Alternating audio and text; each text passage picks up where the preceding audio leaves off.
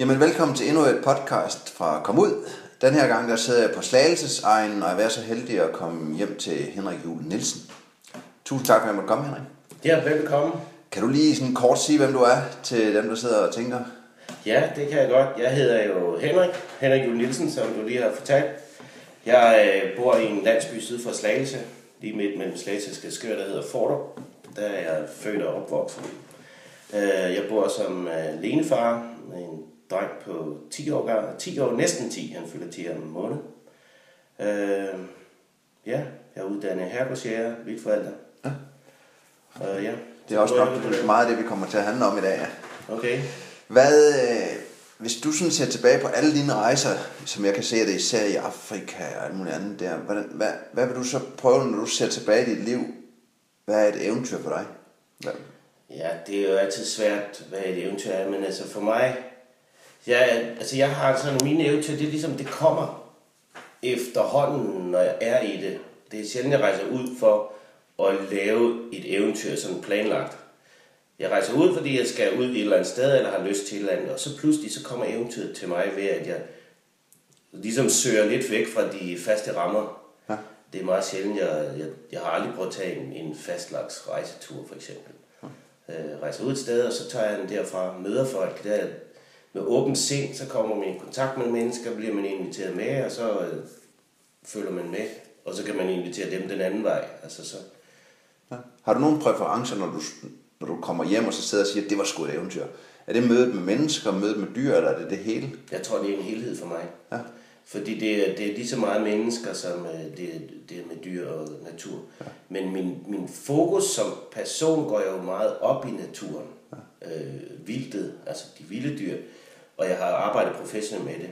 Både herhjemme og i udlandet.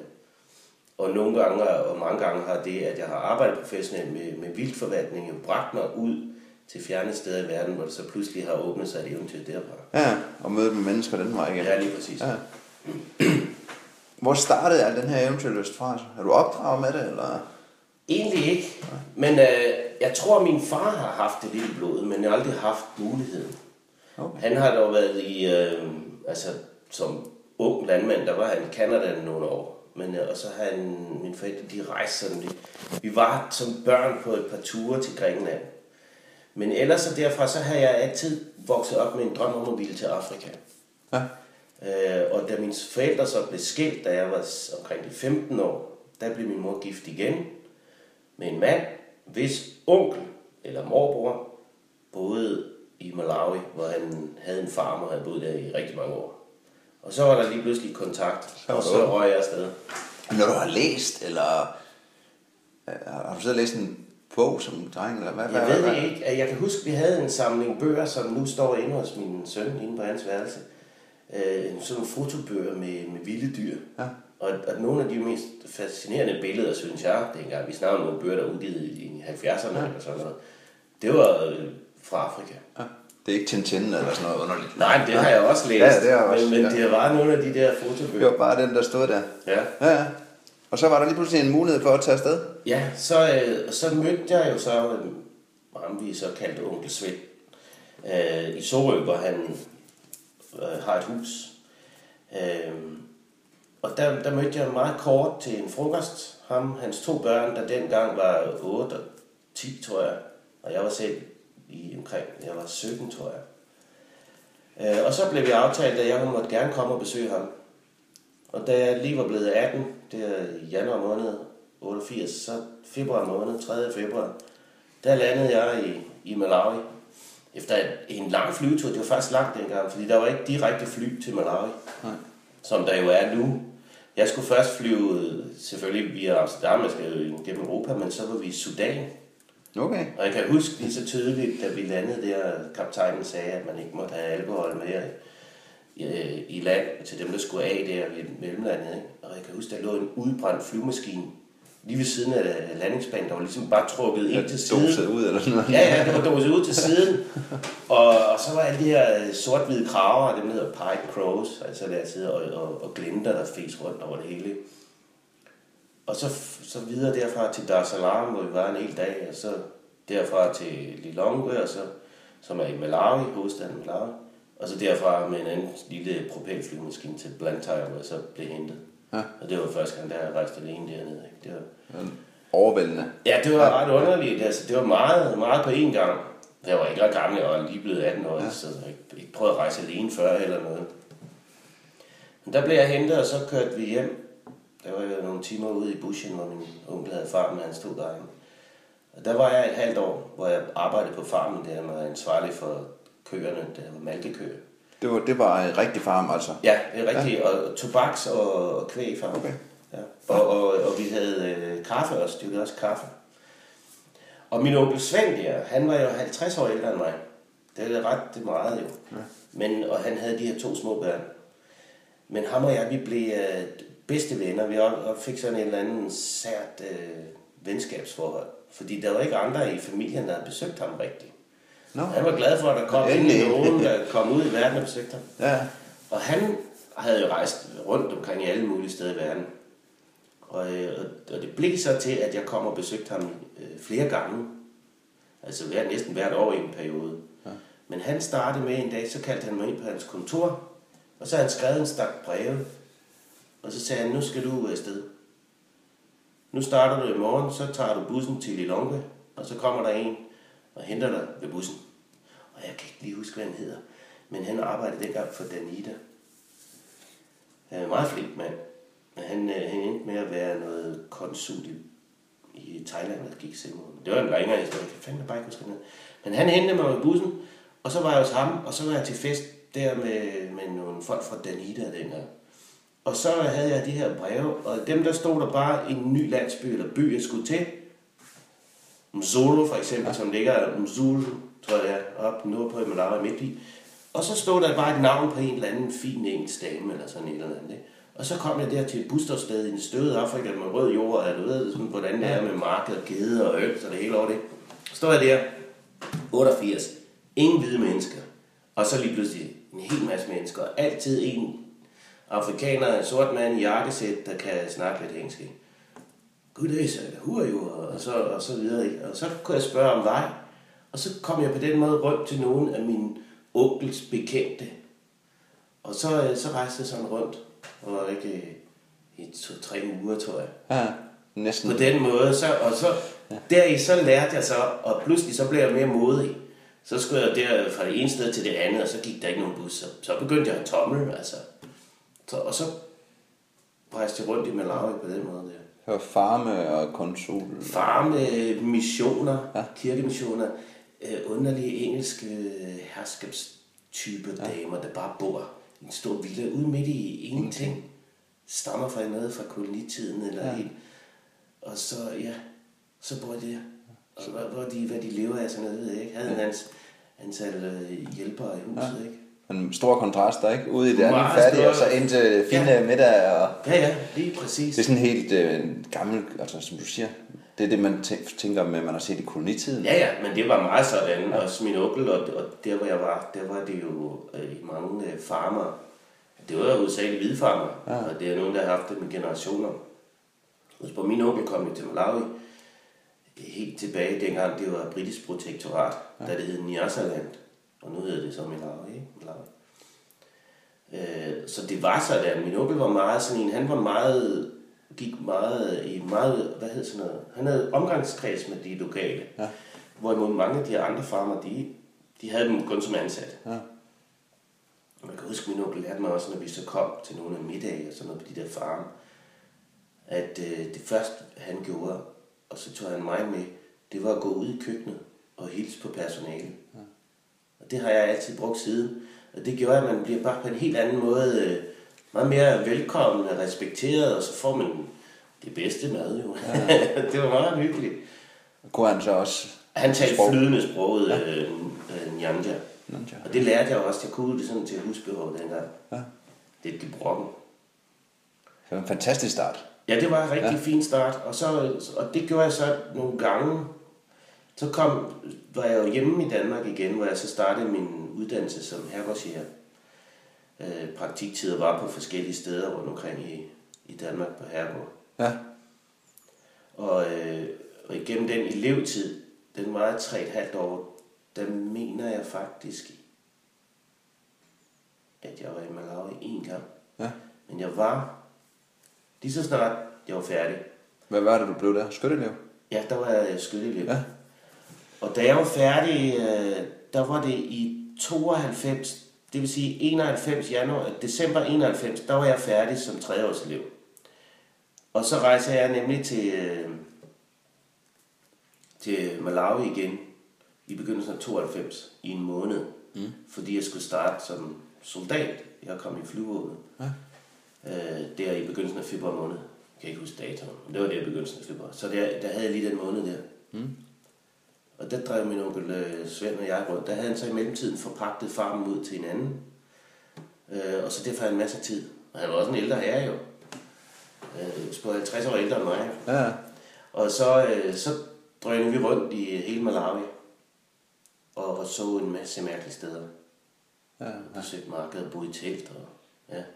Han kendte alle stederne. Ja, ja, og så, så kendte han jo nogen, han kunne huske, der boede der. Og det sjove var jo netop, fordi han havde det der forhold til, til de lokale. Altså, det er jo egentlig det ikke kun var hvide lokale, men også øh, sorte lokale. Så, så øh, havde han jo, vidste han jo, at nogle af hans ansattes brødre eller søstre var ansat. For eksempel var der en af dem, der passede vores kvæg på farmen. Hans bror var park ranger i noget, der hedder Kasusu, Kasungu National Park. Så der kørte vi forbi der. Og så fordi på den måde, så han var jo højt på strå, broren der som nationalparkchef, mens lillebroren, som arbejdede på farmen, var en kopasserdreng. Men på den måde, så kom vi jo bare i kontakt, og så skulle vi jo ikke betale noget, og vi kom jo med ud og, og, og, ud og kigge på vilde dyr med ordentlig service. Der kom ingen turister der dengang. Jeg ved ikke, hvor meget den nationalpark i virkeligheden ses af turister, fordi den ligger akavet. Ja, så altså, ja, kom til. ja, jamen, vi var ude på patruljer, vi, kom, vi var ude et sted, hvor, det havde, hvor der var blevet skudt en mand, faktisk, en krybskyt, i noget selvforsvar. Og der havde vi, øh, der var en politimand med. og der var der gået øh, flere dage fra, det har været sådan, at øh, nogle parkfolk havde været ude, park rangers, scouts, som de hedder, havde været ude på patrulje. Og så havde de kommet i ildkamp med nogle krybskytter. Og så øh, var der kommet en krybskyt i, i kanten, der hvor vi boede, og klagede over, at hans marker var blevet skudt. Men de der scouts vidste jo ikke, at de havde kommet til at skyde hans marker i den der ildkamp. og så ville ham, der krybskytten jo bevise, man må jo ikke skyde krybskytter i Malawi, det er nogle lande, der bruger det, det er ingen grund til. Og så gik vi jo fandme 20 km fra, vi kørte ud til en eller anden landsby, kom politimanden med, og så gik vi 20 km ind i parken. Og så fandt vi jo resterne af den der stakkels krybskyt. Der var jo ingenting tilbage nærmest. Og så kan jeg huske, så politimanden, han gad ikke rigtig at gøre sådan noget ved det, så han sparkede bare knoglerne hen under busk, og så gik vi igen. Så var der ikke mere af det. Så var den klar. Ja, jeg ved så ikke, hvad der har været efterfølgende. Der har nok været noget, men Ja. det kunne ikke betale sig at slippe ham med. Det var for meget skrevet. Der, der lærte jeg lidt om, der, der er lidt forskel på, hvordan liv regnes for, for noget forskellige steder i verden. Ikke? Ja. Så, så man kan sige, at, at mange af de år, der, det var egentlig Svend, som var en super lærermester og skubber og Ja, meget. tager initiativ. Og, Han var den, der tog initiativ til mig til det der, da jeg var helt ny. Ikke? Og så planlagde vi jo så derfra turene, den for eksempel i 92, den planlagde vi jo sammen. Ja. Og vi lavede en i 95, hvor vi kørte hele vejen rundt i Zimbabwe. Den planlagde vi på, i god tid hjemmefra. Så var han så kommet hjem, eller sad bare så? Nej, nej, I det var, det var per, per brev, ja. snailmail, som man gjorde med luftpost. Og, og han skrev en frygtelig håndskrift. Det kunne tage dage at tyde hans brev. Fordi han skrev altid sådan nogle lange nogen, og så sådan noget formuleringer, som man gjorde dengang han rejste ud for, ja, i 50'erne, ikke? Ja, så fik man et brev og en tegning og et kort og... Ja, ja, ja. og så, nå, men også bare det der, øh, den måde han talte på, en sigel, ja, han siglede jo rundt, ikke? Altså, det var, det var sådan en helt fantastisk sjov måde. Ja, De, typer, der ikke findes mere. ja. ja. Og, og hvis de findes, så bor de i udlandet, og så taler de dansk, som man gjorde for 50 år siden, ikke? Men det, der var sjovt, da vi så skulle lave den tur i øh, Zimbabwe, det var jo mens Zimbabwe var et perfekt land. Altså, der var jo virkelig styr på tingene. Da, der, der havde jeg nemlig spurgt ham, om man havde kort fordi ellers ville jeg gå ind i Kongens Korthandel. Jeg tror, det er det, den hedder inde i... Skandinavisk. Ja, Skandinavisk Korthandel inde på København, ikke?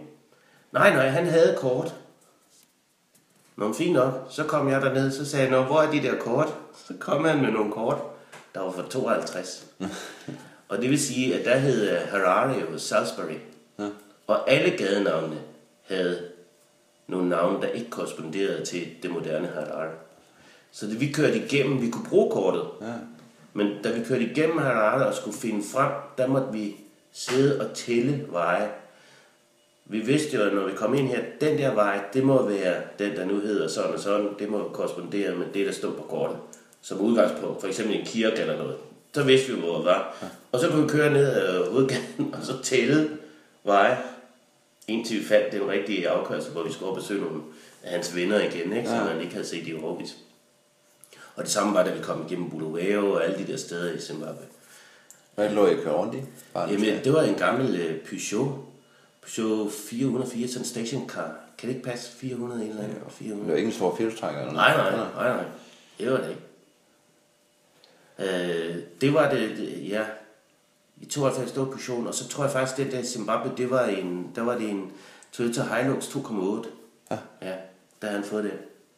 Med, med, lad- det er jo umuligt at vælte. Altså, dem kan man jo køre alle mulige steder med. Ja. Og der kan jeg huske, der kørte vi jo til Bulawayo, der var et museum. Øh, og der var en aktiv, øh, øh, ligesom, der var gang i kunsten. Og min onkel Svend, han vidste en masse om kunst, især også traditionel afrikansk kunst. Og det var spændende. Der introducerede han mig til det. Og lærte en masse om. Der har nogle af dem, der står herinde. Nogle ja. stenskulpturer og, og, og tæpper og alt muligt. Og kurve. Det var meget sjovt. Der lærte han mig en masse om. ja. Så man- du fik sådan et bredt indblik i det hele. Ja, ja. Man har sådan bevæget sig på alle lag, kan man sige. Ja, Ja, ud i Det naturen og ind til kunst og ind til finmiddag. Ja, ja, fordi han var jo også sådan en, der han var, kunne også godt lide at se vilde dyr. Ja. Men han var jo totalt anti-jæger. Ja. Han havde jo en gang, der havde han en hvid rotte med hjem i flyvemaskinen hele vejen hjem, fordi han syntes, det var synd, den skulle slås ihjel. Så han er jo ulovligt smuglet den her åndssvær rotte med til Danmark. Jeg husker, han kom, jeg var over ham over i Sorø, så pludselig så satte han en rotte op på skødet af mig. Ja, det var sådan irriterende. Det var lige før, jeg knækkede nakken på den, sådan en ren refleks. Ja. Ja. så havde han haft den i inderlommen. Så var de blevet gode venner. Jamen, sådan var han sådan underligt, altså ikke særlig rationelt med hensyn til dyr og sådan noget. For han var heller ikke vegetar, vel, men han kunne ikke tåle at slå noget ihjel. Så, så kørte vi rundt i de her nationalparker og kiggede på vilde dyr. Det var meget skægt. Men så, altså imellem der, der var du blevet skytteelev, og du har også været på, på Kaløen. Nej, det kommer jeg først i øh, 3, 93. Ja. Fordi Kalø dengang, og jeg tror det stadigvæk, den kører kun det, der hedder for vildforældnings, vildforældrekursus hver anden år. Så da jeg var færdig, så havde jeg jo ligesom et år, inden jeg kunne komme på vildforældringsskole. Og det brugte jeg til at rejse til Malawi ja. og til at være soldat i. Og så kunne du blive færdig. Og så kom jeg ind, og så fik jeg jo skoleuddannelsen der. Det, næste, altså det var så været i 93. Ja. Og der, var, der blev jeg færdig i september. Dengang var det kun 9 måneder på skolebænken. Og så røg jeg direkte til Canada. Ja, jeg blev færdig den 24. tror jeg, øh, september. Ja. 3-24. deromkring. Og øh, det, jeg kan bare huske, jeg tror, jeg var i Canada, landede i Calgary den 27. september. Ja. Altså, det var ret hurtigt efter. Hvad skulle du der med? Ja, der skulle jeg op og besøge en, som hvor min far havde været i sin tid i 60'erne. Øh, og han havde en fætter derovre. Øh, og så boede jeg hos ham og arbejdede på en kartoffelfarm. Han dyrkede kartofler i sådan et, øh, noget der hedder, hvad hedder det, Kootenay.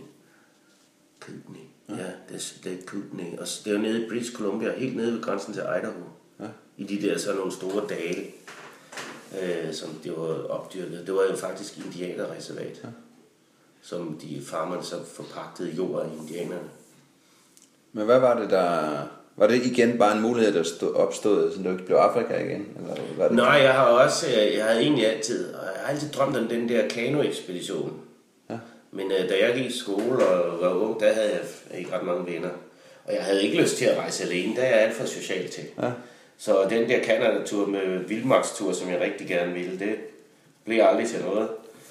Øh, men så var jo, at øh, vi havde noget familie der i Canada, så tog jeg dertil. Så kunne du få set lidt af Ja, ja, ja. Så, så, og så kom jeg ud, og så padlede jeg lidt i kano selv. Ja. Nogle dage gammel, det var, det var kedeligt, fordi jeg var lidt før. Og så gik jeg en masse på jagt, og beskrev nogle, nogle, ikke nogle til noget hjorte. Ja. Uh, whitetail deer, og jeg skrev efter coyotes, og jeg skrev med gæs og sådan noget. Det var meget sjovt med nogle fede fyre deroppe. Ja. Og der var jeg bare en to-tre måneder, og så var jeg hjemme igen. Og så, ja, hvad, så blev det, ja, så kom jeg til, så var det, så begyndte jeg at arbejde i uh, regnskabsgruppen i Pentes. Ja, dengang. Og, og derigennem, så uh, kom jeg i kontakt med mange, der havde med det her regnskab at gøre. Ja. Og hvordan, altså, tilfælde igen, eller hvordan begyndte du at interessere dig Nej, ja, ja, det var fordi, jeg var arbejdsløs. Jeg kan sgu ikke huske, nu vi var været 94, ikke?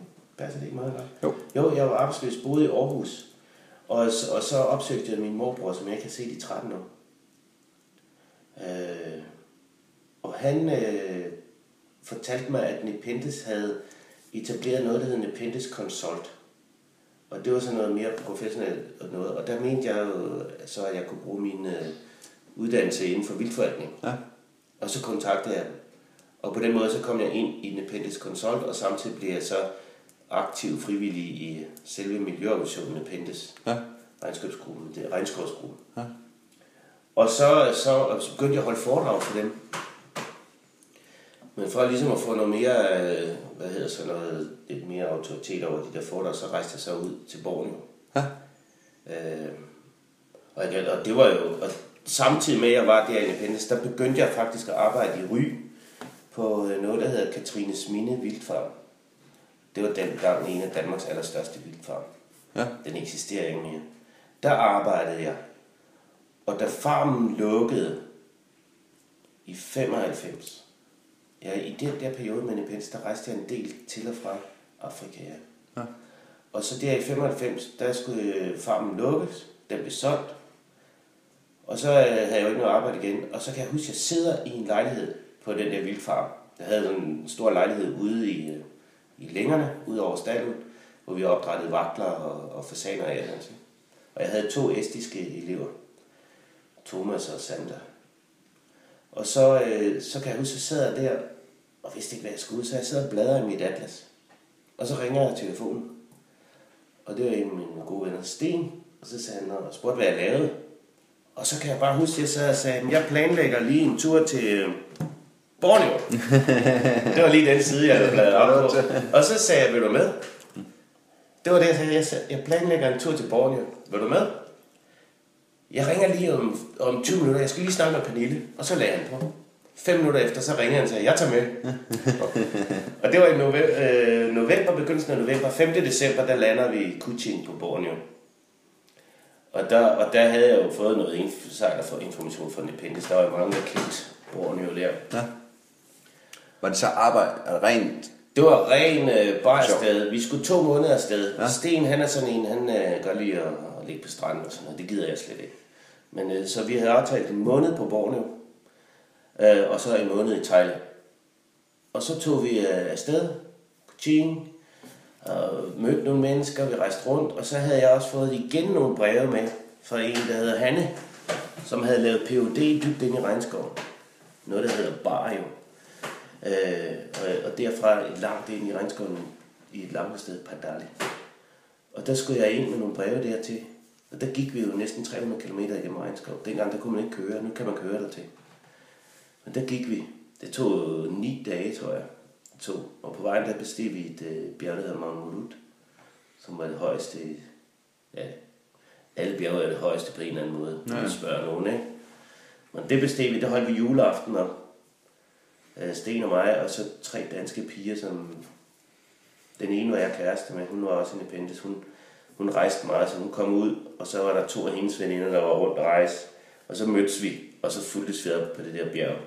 Og så fortsatte vi ud til dejlige Sten og jeg tog derud, og de andre gik et andet sted hen. Ja. Og Katrine, Kastine, Kastine, Kastine da, som jeg var kæreste med, hun, hun tog til Mulu National Park. Øh, hvor hun, hun gik meget op i at, at studere underjordiske huler. Ja. Hun har også været masser af et gang i radio og skrevet og sådan noget. Men så rejste mig og Sten, så efter at vi havde været derop i dybt ind i regnskoven, så tog vi til Thailand.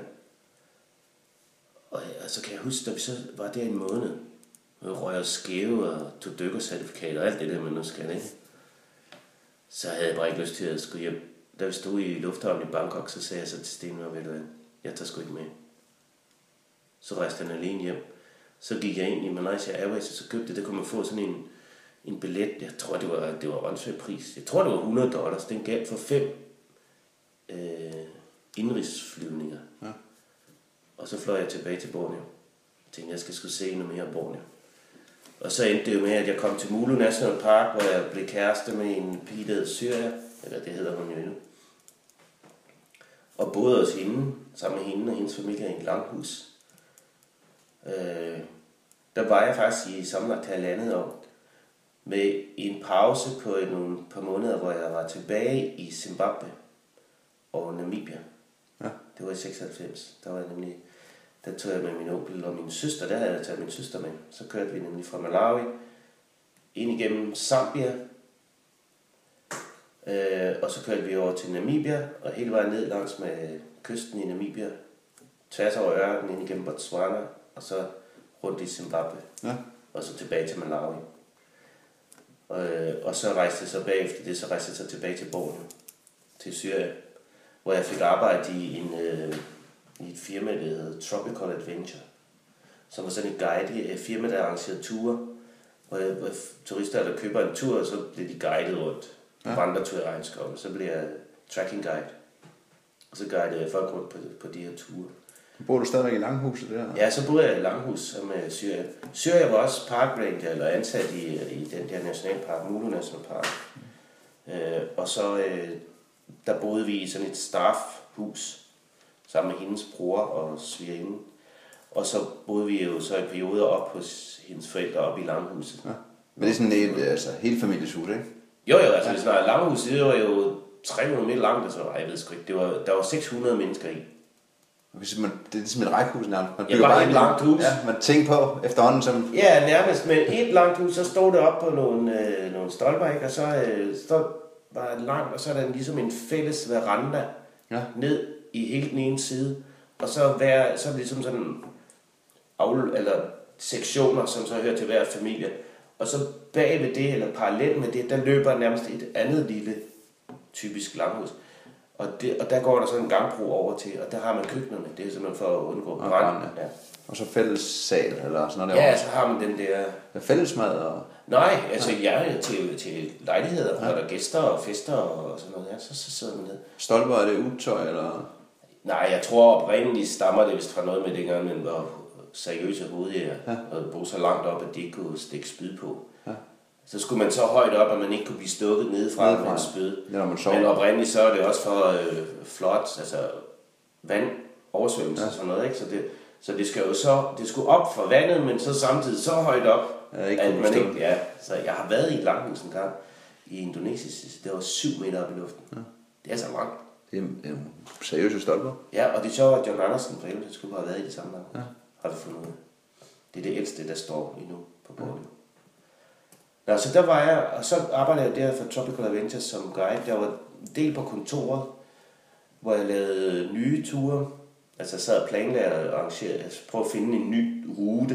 Det var typisk sådan noget med, at vi flyver ud med små, de der små øh, twin otters, du ved. Ja. Fly, flyver ud på en lille græsbane ude midt i regnskoven i en landsby, og så overmander man der hos nogle lokale, typisk i et langhus, sammen med en 4-5 turister, og så fører man an af de her små stier, der er igennem skoven. Der er jo ingen vejskilt eller noget, det er bare 50, 60 eller 30 km til næste landsby. Så er en stifinder med. Ja, det var jo så det, jeg blev også på altså med tiden, ikke? Ja. Jeg, jeg, du, jeg gik selv rundt med folk. Ja, du har ikke nogen... Nej, det, i starten havde jeg jo. Ja, Øh, og så, så lærte jeg jo at kende sporene. ja. Og det kunne jeg godt. Nogle gange er jeg gået... Så gik jeg jo for eksempel fra, hvad kunne jeg sige, Long et eller andet til Barrio. Og der er måske 60 km, så overnatter man halvvejs eller to gange, afhængig af det, man kommer med. Ikke? Og det kunne jeg jo så godt nogle gange skulle gå turen alene, for at sende nogen hjem med flyvemaskinen fra Barrio, og så tilbage og hente den anden gruppe, der kommer. Hvis ikke de lige landede der og skulle gå den med den anden vej. Så kunne jeg godt gå alene den tur der. ja. Øh, og så fangede vi typisk lidt fisk i vandet, men ellers så havde vi alt med, dåsemad, det var Ja, når man har grupper, man skal lige have mad. Ja, ja. Og det sjove er, at man slæbte jo som guide helt vanvittigt, fordi de der turister, når man, så fik vi papkasser fyldt, og det var sådan, når vi snakkede kartofler, gulerødder, det var ikke frystørret mad, vel? Ris, nudler, og så er æg også, ikke? Når der er nogen, der vil hjælpe med at bære det, helt stille, ikke? Så ender man, man som guide står med hele lortet til. Og så starter med at gå med 30 kilo og ender med at have 10, ikke? Ja. Som bare er det helt nødvendige basale udstyr til sidst. Og så, så skulle jeg jo lave mad for dem. Det var meget sjovt, meget spændende. Ja. Og så kom jeg der var jeg jo, øh, og så blev jeg så hentet ind til Brunei et andet firma. Hvor jeg kom ind og boede i Brunei, som jo er et andet land Ja. Borneo. Og der var jeg jo så i, i lang tid noget, der hedder Continental Tours and Travel. Og det var et, firma, der også havde beskæftiget sig med at sælge lystyachts. Altså, vi snakker om kæmpe store, sådan nogle motoryachts, ikke? Og, og så dykning. Mm. Øh, og så der lavede jeg ture med dem. Planlagde nye ture rundt i Brunei, som jo var et dødkedeligt turistområde, fordi der var ikke gjort noget for turister overhovedet, og de havde ingen interesse i turister. Dengang jeg var der, der var sultan i Brunei en verdens rigeste mand. Ikke? Okay. Det var ikke... Nej, og sådan noget med 80% af befolkningen var ansat i regeringen, og de fik jo kassen. Altså, der boede 160.000 mennesker. Det var det hele. Så der er ikke noget. Meget, meget smukt land. Altså, alt var i orden. Alt var gratis. Busserne var gratis. Kæmpe stort Tivoli. The Geraldton Amusement Park. Gratis. Alt. Sindssygt vilde rutsjebaner. og Helt vanvittigt. Øh, men der var jeg, så kom der jo nogle få nogen, men der arrangerede også ture for mange af de der fremmede arbejdere, ligesom mig selv, der var i landet. De arbejdede jo i olieindustrien. Ah, så de skulle have afs... Så skulle de have noget at lave ad- adspredelse. Så kom de ud og dykkede med os. Der var jo tre ret kendte vrag, ligger lige uden for Brunei. Øh, det kan jeg bare huske, det ene hed Cement Rack. Jeg kan ikke huske, hvad de andre to hedder. Jeg har dykket på dem alle tre i hvert fald. Frode fra klubben har også dykket på dem. Ja. Men der, der, der tog jeg folk med ud at dykke, og så tog jeg dem med på ture, også ind i malaysiske del, ind i Sarawak og tilbage til Mulu National Park. Og så på sådan nogle vandreture. Vi lavede en tur, der hed Headhunters Trail, som var en, en, en, en lang vandretur, som bestod af, at man kravlede gennem de her huler, og så gik man, sejlede man i, i motoriseret kano op ad floden, gik rigtig langt, boede i, øh, i telte, eller hvad hedder det, sådan noget, hængekøjer i skov, og så kravlede op på noget, der hedder Gunung Api, som sådan nogle pinnacles, der står oppe i de her limstensklipper. Helt sindssygt flot. Man ser dem tit i National Geographic og Ja. ja. på tv, som de er afbildet, ikke? Gunung Api. Øh, der kravler vi op og ser på dem, og så ned igen, og så tager man med båd, og så kommer man op i et langhus, og tager derfra med en almindelig ligesom rutebåd, og så kommer man til en by. Og den der tur, den tager, jeg kan ikke huske, hvor mange den tager, 5-6 dage eller sådan noget. Og den vandt øh, nogle præmier for bedst, øh, bedste tur. Ja, så dem tog jeg jo også de her Ja. ja. Brunei-turister med ind igennem. Hvad, I alle de år, har du så lært sprog der også, eller? Er lidt malaj. Ja. Der kunne jeg tale en lille smule malaj. Jeg Ja. kan stadigvæk lige, du jeg kan bestille mad og sådan noget på malaj. Hvad, hvad, mere. nu var det jo lige pludselig turister, men er du uddannet jagt? Eller Ja, bare men det er, jeg har aldrig brugt det som sådan. Nej, På, jo, det vil sige, at jeg gør det jo privat. privat. Øh, men jeg har jo også altid gerne ville være biolog. Ja. Og da jeg så havde været i Brunei, og det var ved at køre lidt for mange gin tonic nedover, øh, så var det ved at være på tide at komme væk. Ikke? For din egen sundheds skyld. Ja, jeg havde en kammerat, øh, som faktisk kommer her i aften på vej, han skal til Jylland, ikke? Han, det var, han, han sagde til mig, nu tror jeg, du skal til at komme hjem. og så, så tog jeg hjem, det var jo så først i 98, der kom jeg tilbage til. Ja. Og så begyndte jeg jo at gå på øh, aftenskole, for at kvalificere mig til universitetet. For jeg havde ikke nogen gymnasiel uddannelse. Så jeg begyndte at tage HF. Ja. Øh, for at komme, for at forsøge at komme på universitetet, og så studere biologi. Ja. Øh, og, men så, så blev jeg så optaget, mens jeg gik på HF, der blev jeg så optaget øh, øh, på University of Edinburgh Ja. i deres øh, naturressourceforvaltningslinje. Øh, Og det var med vilje, du har søgt selvfølgelig. Ja, det var en Og kammerat, der havde sagt, det, var, det, det kunne jeg lige så godt gøre, i stedet for at skulle bruge seks år på. Det var for ligesom at få en mere akademisk titel til mine vildforældre, fordi jeg gerne ville lave vildforædling. Ja. Men man kan sige om det eller ej, om det er nødvendigt, men, men det der med titler, det betyder så meget, især hvis man vil lave noget internationalt arbejde. Hvis man hedder Ph.D. eller doktor, så er man næsten helt sikker på, så skal det nok køre. Det er svært, øh, hvis ikke man har en titel. Ja. Så det var den, jeg, så fik jeg bare ikke noget Ph.D., men en Master of Science. Det. Ja. Ja. der er lidt på det. En god skole. Ja, det var fint. Det var en fantastisk tid at studere. Også fordi det var så internationalt. Der Ja. var mange, øh, der studerede den samme linje, som jo kom fra projekter, ulandsprojekter rundt omkring i verden. Det er jo sådan tit, at de her ulandsprojekter, så er der en del i klausulerne, at der skal nogle lokale, der skal sendes den anden vej til uddannelse. Ah. Så derfor så kom jeg jo til at studere sammen med afrikanere, asiater og østeuropæere og jamen, alt muligt. Så Ja. ja. det var sjovt. Og, og så jeg kan huske, at, da jeg blev 30, jeg var min 30 års fødselsdag der, der var der, jeg tror vi var 19 forskellige nationaliteter på 40 mennesker til fest i min lejlighed. Af alle mulige religioner. Ja. Ja. Så jeg kan huske, at jeg havde sådan, hvad fanden skal jeg servere mad? Ikke? Fordi øh, det endte med, at jeg serverede halvanslagtede kyllinger. For det kunne alle jo næsten spise. Det undtagen vegetarerne, og så en kæmpe portion salat. Men det vil sige, at muslimer og hinduerne, så hinduerne kunne nogle af dem i hvert fald spise kylling, ikke? Så alle kunne spise sammen om det samme måltid mad. Så, så det var, det var fandme en god fest. og der var jeg jo så stadigvæk tilknyttet øh, Nepenthes og Nepenthes Consult. Som frivillig, eller? Ja, ja. Altså med Nepenthes Consult Nepcon, der kom jeg af og til ud på, på hvad hedder sådan noget, betalte opgaver. Som vi Hvor lang er, er varighed af hvad? Under sådan en uddannelse? Hvor længe går du til der deroppe, ikke? Jamen, øh, ikke ret lang tid gangen. En uge eller to, men typisk det kort tids. Og jeg lavede mit speciale, mens jeg blev uddannet. Den lavede jeg så i Malaysia igen, på Borneo, i Sabah. Og der lavede jeg på næsehorn og elefanter og en okse, der hedder Banteng. Hvordan man skal lave områder til dem og Ja, beskytte og så en, en, det var noget, der hedder Malia Basin. Hvad hedder det nu? Det var faktisk, man kan godt sige, en hvid plet på landkortet. Fordi den har aldrig været besøgt af mennesker før. Det er jo kun blevet affotograferet fra toppen. Ja. Kun omkring 20 procent af det område, der er på størrelse med Bornholm, har været undersøgt. Ja. Øhm, så det var vi inde og gøre kortlæg. Og jeg kortlagde bestanden af- næsehorn, elefanter og brænde. Og fandt faktisk også næsehorn. Jeg så dem ikke fysisk, men jeg fandt dem. Ja. Spor af dem. Og da jeg afsluttede mine opgaver, der leverede jeg en rapport til dengang Dan Sæt, som jo var øh, Danita, eller Miljøministeriets, ligesom ud af til. Det eksisterer ikke mere. Med meget kraftige bemærkninger om, at der skulle gøres noget aktivt mod øh, krybskytteri med det samme. Ja. Fordi nogle af områderne op til var forladte skovningsområder. Så derfor var der forladte øh, tømmerveje, og det var nem access, eller adgang. Ja. Og den anbefaling sendte jeg ud i januar.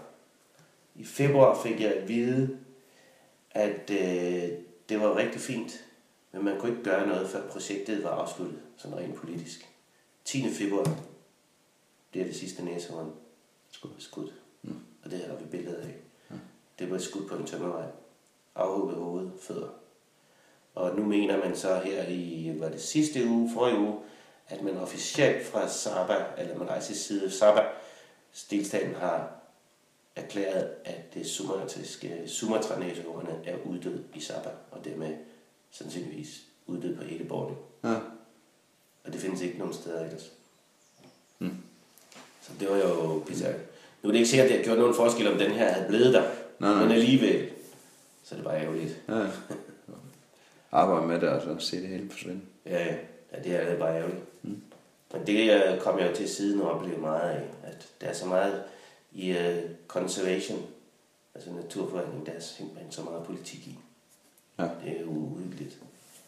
Det er faktisk ren politik. Der styrer det. Ja.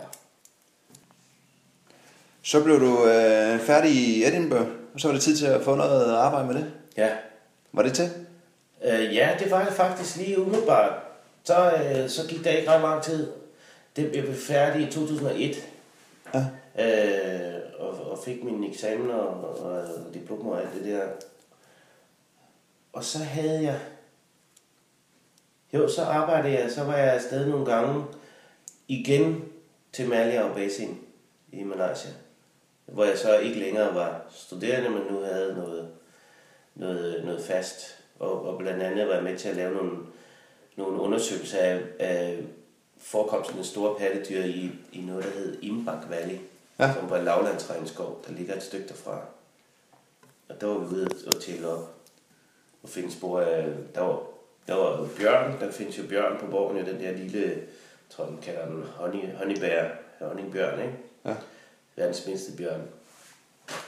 Øh, og dem fandt vi, der var træleopard, ja, så var der elefanter. Og øh, muligvis næshorn. Det ikke til, det kunne vi ikke smids garanti sige. Masser af vildsvin. Så det lavede jeg. Og så lavede jeg sådan nogle små opgaver og arbejdede også som frivillig. Øhm, og så, så lige pludselig så var der en kammerat, der havde set en, en stilling, der var slået op imellem for det samme. Og så var vi ude og drikke øl den aften og snakke om det. Og der var øh, opslaget, det, da jeg så endelig fandt frem til det, der var ansøgningsfristen udløbet. Så ringede jeg og spurgte, om jeg måtte sende af ops, øh, ansøgningen alligevel. Jo, her der arbejder jeg jo med Netcon. Udover de her konsulentopgaver ude i verden, så arbejder jeg også med certificering af, af møbelvirksomheder. Altså virksomheder, der har med træ at gøre. Ah, og det er det der FSC, Ja. FSC-mærket. Ja. ja. Så det kørte jeg rundt, og det, derfor det slår mig lige nu, det var nemlig, da jeg ringer til MS, der holder jeg op ved Fjerdslev. Jeg kan lige huske det. Ja. På, øh, ved, ved sådan en bro, tror jeg. Og så ringer jeg nemlig der. Og det kan jeg da godt sende en ansøgning. Ja. Det var alligevel en genopslag, fordi de havde ikke fundet nogen, der var egnet. Men så søgte jeg. Og så blev jeg indkaldt til samtale, hvor der havde været ni inden. Og så, ja, så som det nu foregår i MS, så bliver jeg udvalgt. Ja. Så skal man jo til alle mulige psykologtest og alt muligt mærkeligt.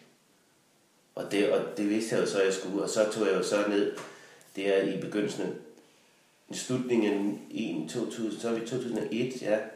Der tager jeg til, øhm, Sydmel- til Mellemamerika Ja. for at besøge en kammerat, der nemlig arbejder i Mellemfolkssamlingen dernede. Og så får jeg en masse insider om, hvordan den der udvælgelsesceremoni foregår. så jeg var vel forberedt. Da jeg kommer hjem i januar måned, jeg var dernede en måneds tid, en anden måned, kørte vi rundt i hele Mellemamerika. Det vi nu kan nå på en anden måned. Ja. Øh, og så, ja, så, så fik jeg jobbet der. I, øh, det, var, det var jeg jo ikke engang fortalt. Det var så til et job i, i Zambia. Zambia. Så Ja. ja. ny vejr. Tilbage til Afrika. Back to the roots. Ja. Tilbage til Afrika. Og så var det jo sjovt. Så, så kom jeg til Tanzania. Der skulle vi jo være spærret inde på MS's træningscenter en hel måned. Hvor man skulle lære om, hvordan man gjorde, når man var ude blandt fremmede folk. Og Det var der jo mange, der kunne have brug for, men jeg synes godt nok, det var kedeligt. Fordi det var jo sådan noget, sådan noget skoleeksempler, det hele. Der var ikke noget sådan, som man jo ved. Altså, så gør man ikke det, og så gør man ikke det, og så gør man sådan.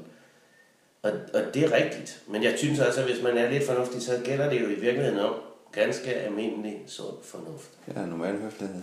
Lige præcis. Hvis man er normalt høflig og lidt tilbageholden, så lærer man det, når man kommer frem. Nogle gange at få en lille ind over næsen, men også bare ved at observere.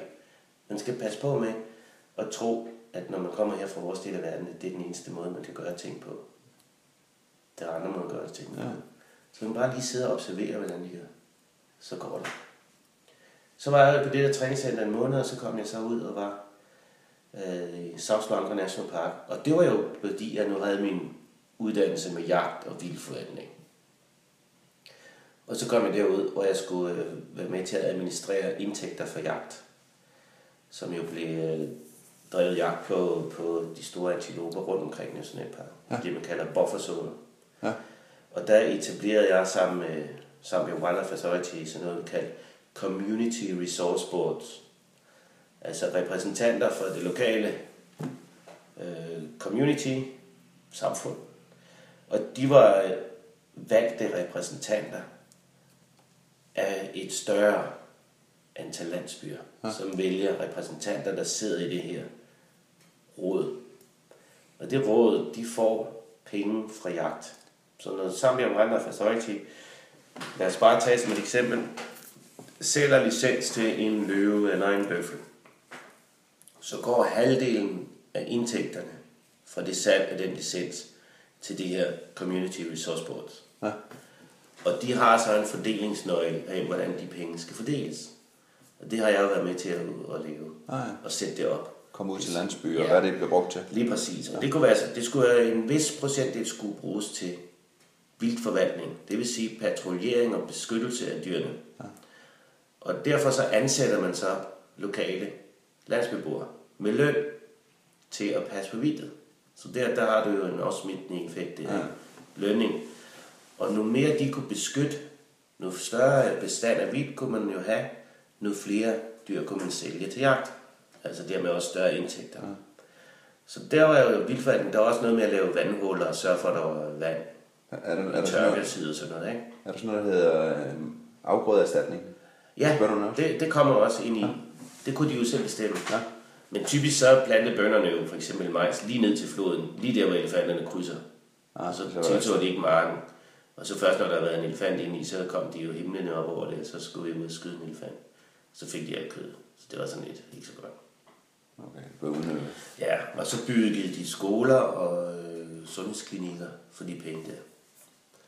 Og ja, det er Afrika, så der var også en del korruption ind i det der. Ja. Men ideen var god. Ja. Øh, politisk blev det ikke støttet hele tiden så godt, men ellers fungerede det faktisk ja. ret fint. Hvad med dig det der? Altså, står du som en, er du del af en stor organisation, eller hvor meget? Jeg er så øh, en... MS har ansat mig som en støtte til Zambia Wildlife Authority. Ja. Så jeg arbejder sammen med Zambia Wildlife Authority, og får i øvrigt ingen støtte af MS. Det er helt usædvanligt for at ingen støtte af MS, fordi Zambia Wildlife Authority er betragtet i dengang i Mellemfoldssamlingens øjne som en velhavende organisation. På en måde var det også, fordi de jo havde en masse støtte fra forskellige udenlandske support, hvad hedder sådan noget, donationer, men det er jo alt sammen øremærket penge. Ja. Så det vil jo sige, at de kunne jo ikke bruge penge til det, jeg lavede. Men det ment MS, at så kunne de nok finde nogle penge et eller andet sted. Det kunne de ikke. Fordi øh, sådan noget som med Wildlife for så er meget, meget, meget underfunded. Jeg ved ikke, hvad jeg kalder det. Under, underbevidnet. Ja, underbevidnet i stor grad. De har jo i forhold til internationale sådan retningslinjer i forhold til, hvad det kræver at styre en nationalpark med hensyn til beskyttelse og sådan noget. Der har de måske kun en tiende del af ressourcerne. Ja. Vi snakker om en nationalpark, den, hvor jeg boede i, som var på 9.500 kvadratkilometer. Det er en fjerdedel af Danmarks størrelse. Ja. Det er ligesom som Fyn jo. Og vi havde 997 km veje, jordvej, der skulle holdes ved lige, høvles. Og alene det er jo altså, og fem, fem biler. Det er jo helt uhøst. Ja. Og så patruljere mod krybskytter og, og, og alt muligt andet. Ikke? Men det gjorde jeg jo så, og det gik fint. Ja. Og hvordan, bare nu rent nysgerrig, hvordan, når der så kom en jæger herinde om, at det at gøre? Eller var det sådan nogle lag outfitter? Ja, eller? altså så, Samia Wildlife Authority, de havde så udliciteret jagten til nogle, i nogle områder. Ja.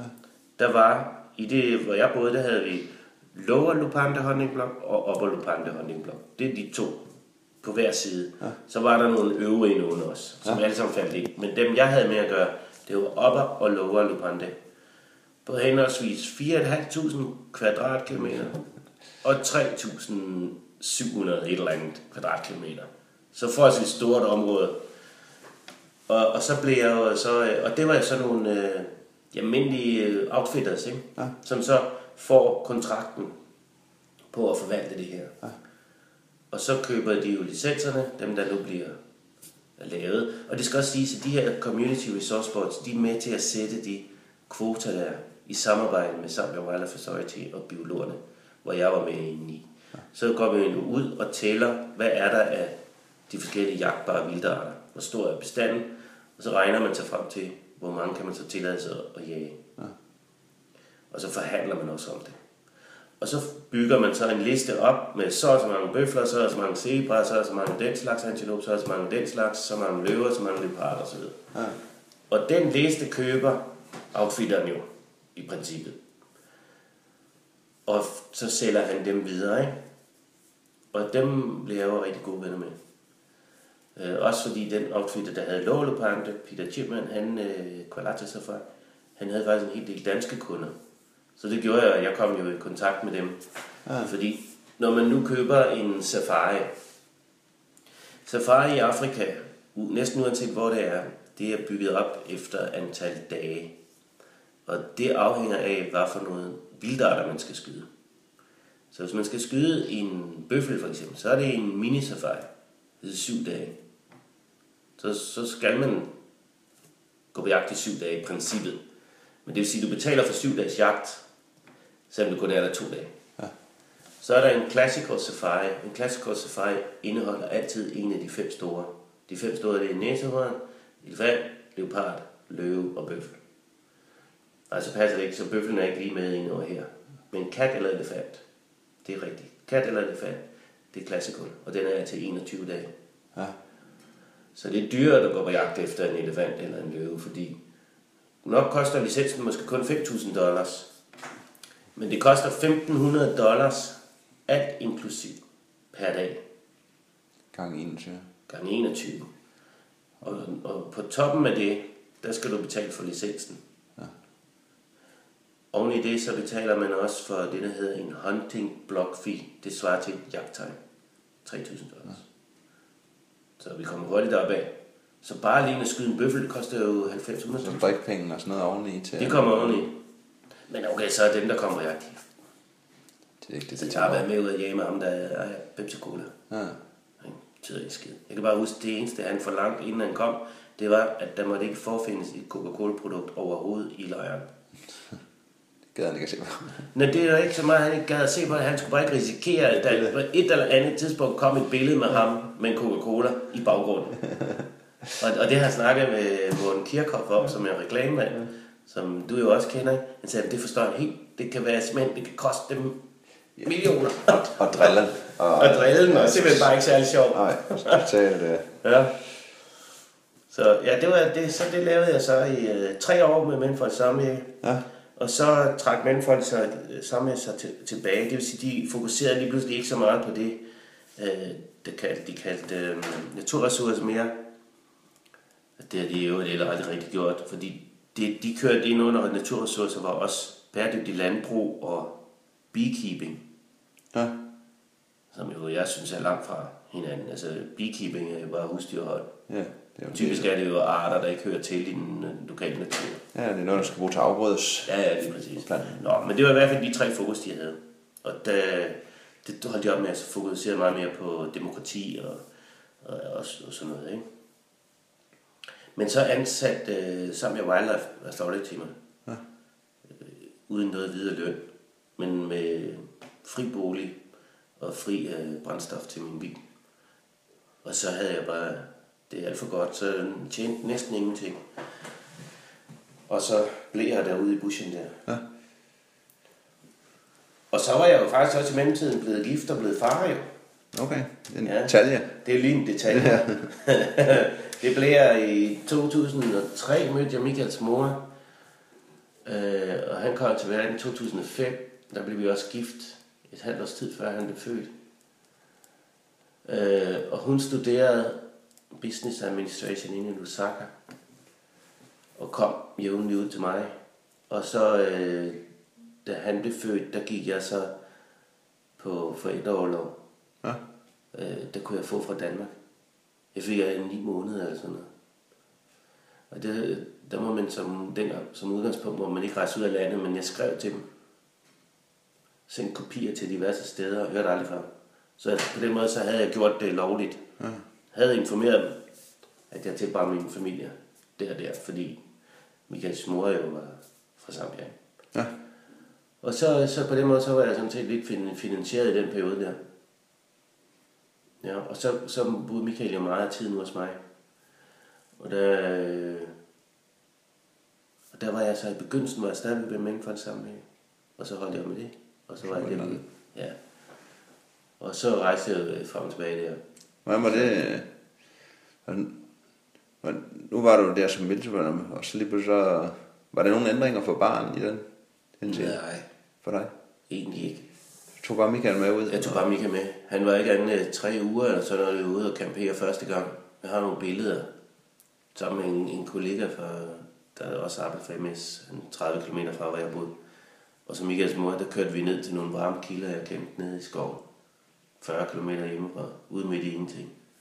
Ja, 40 km er jo ikke nødvendigvis så langt væk, men der var ikke nogen mennesker i 40 km radius eller hele vejen rundt. Der, der, der var vi lige på det. Det var meget skægt. Men som na- naturressourceforvalter, Mm-hmm. langt ord, Ja, Jamen, så, så vil sige, jægerne kører rundt, og du, så din, dit primære arbejde, var det at køre rundt og så se, om de tal på bestanden var rigtigt, og Ja. ja. tage en samtale med landsbyen, tage en samtale med jægerne, altså sådan overordnet koordinering. Ja, det var det faktisk. Ja. Men sammen med Zambia Wildlife Authority. Fordi når jeg er som konsulent, så er jeg jo rådgiver. Jeg er jo ikke den, der tager jobbet fra dem, Nej. men vejleder og hjælper dem med at gøre det. Så meget med at køre rundt med en, Ja, ja, og og selv skabe et billede. Ja. Skrive et billede og skrive en rapport, og så kan de jo bruge den til det, de vil. Ikke? Ja. Men øh, støtte til den lokale samarbejdspartner. En, en, en at spille bold med. Var der, brug for, altså, var der meget sådan, gyde olie på vandet også, eller var, var man rimelig enige om, Ja, ja, fordi der var penge i det? Der er penge i det, og store penge. Der er jo altså forholdsmæssigt meget større penge end fotosafari. Ja. Fordi vi havde måske 60 jæger igennem. Husk på, at dem, der kommer igennem, der kommer omkring 12-13.000 gæster ind i Nationalparken om året. De betaler 20 dollar, eller var det 30, per dag i gate entry fee, for at komme ind i Nationalparken. Det er jo småpenge. Det var små penge i forhold til 1500 Resten af de midler, de leverer der, det leverer de jo til dem, der ejer de der lodge, Ja. campsites og lodges.